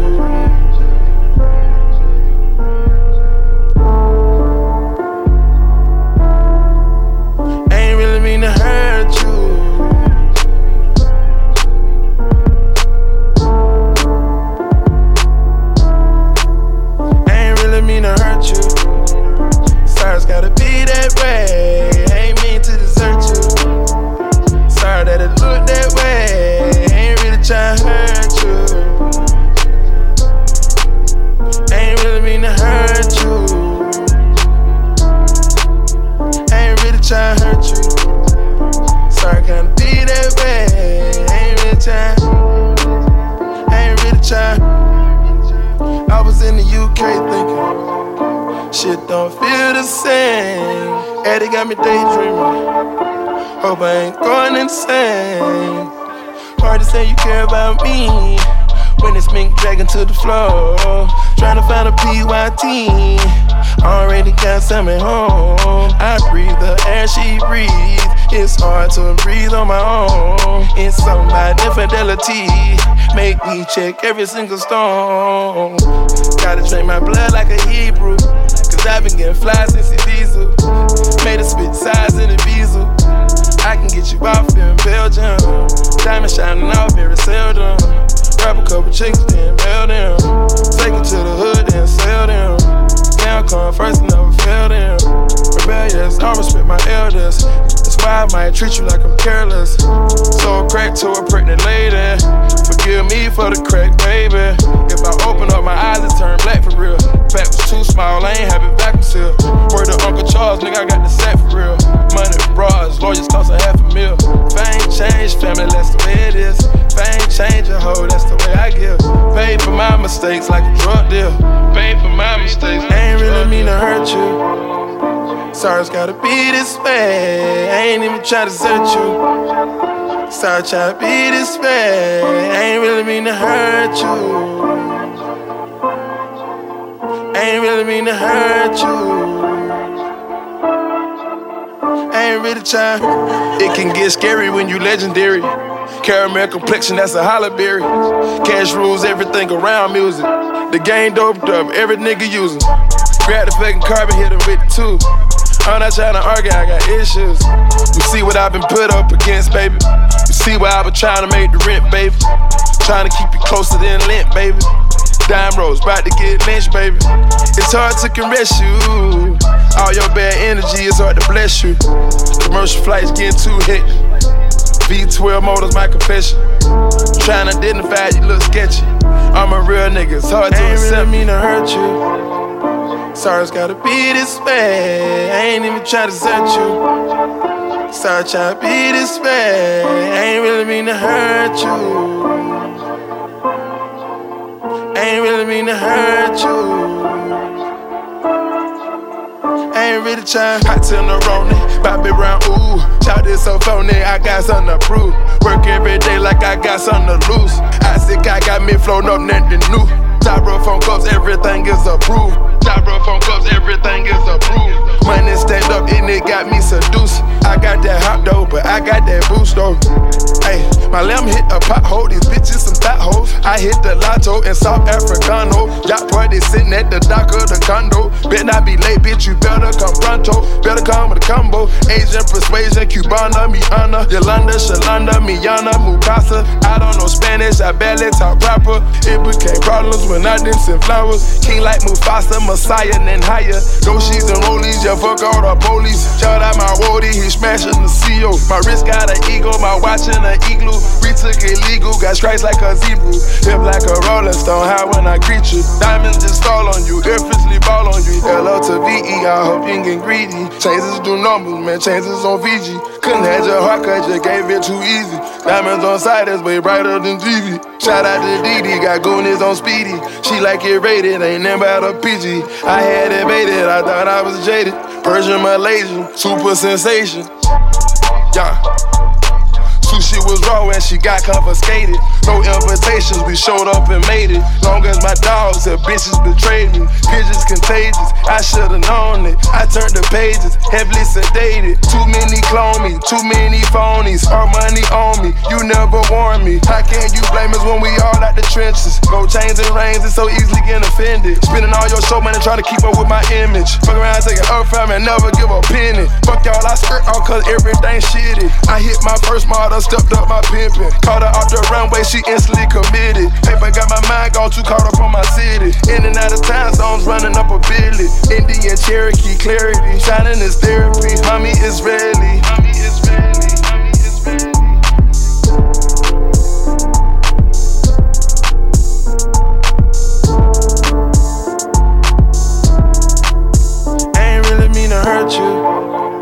Sorry, it's gotta be this way. I ain't even try to hurt you. Sorry, try to be this way. I ain't really mean to hurt you. I Ain't really mean to hurt you. Ain't really mean to hurt you. Ain't really mean to hurt you. I ain't really mean to hurt you. Sorry, it's gotta be that way.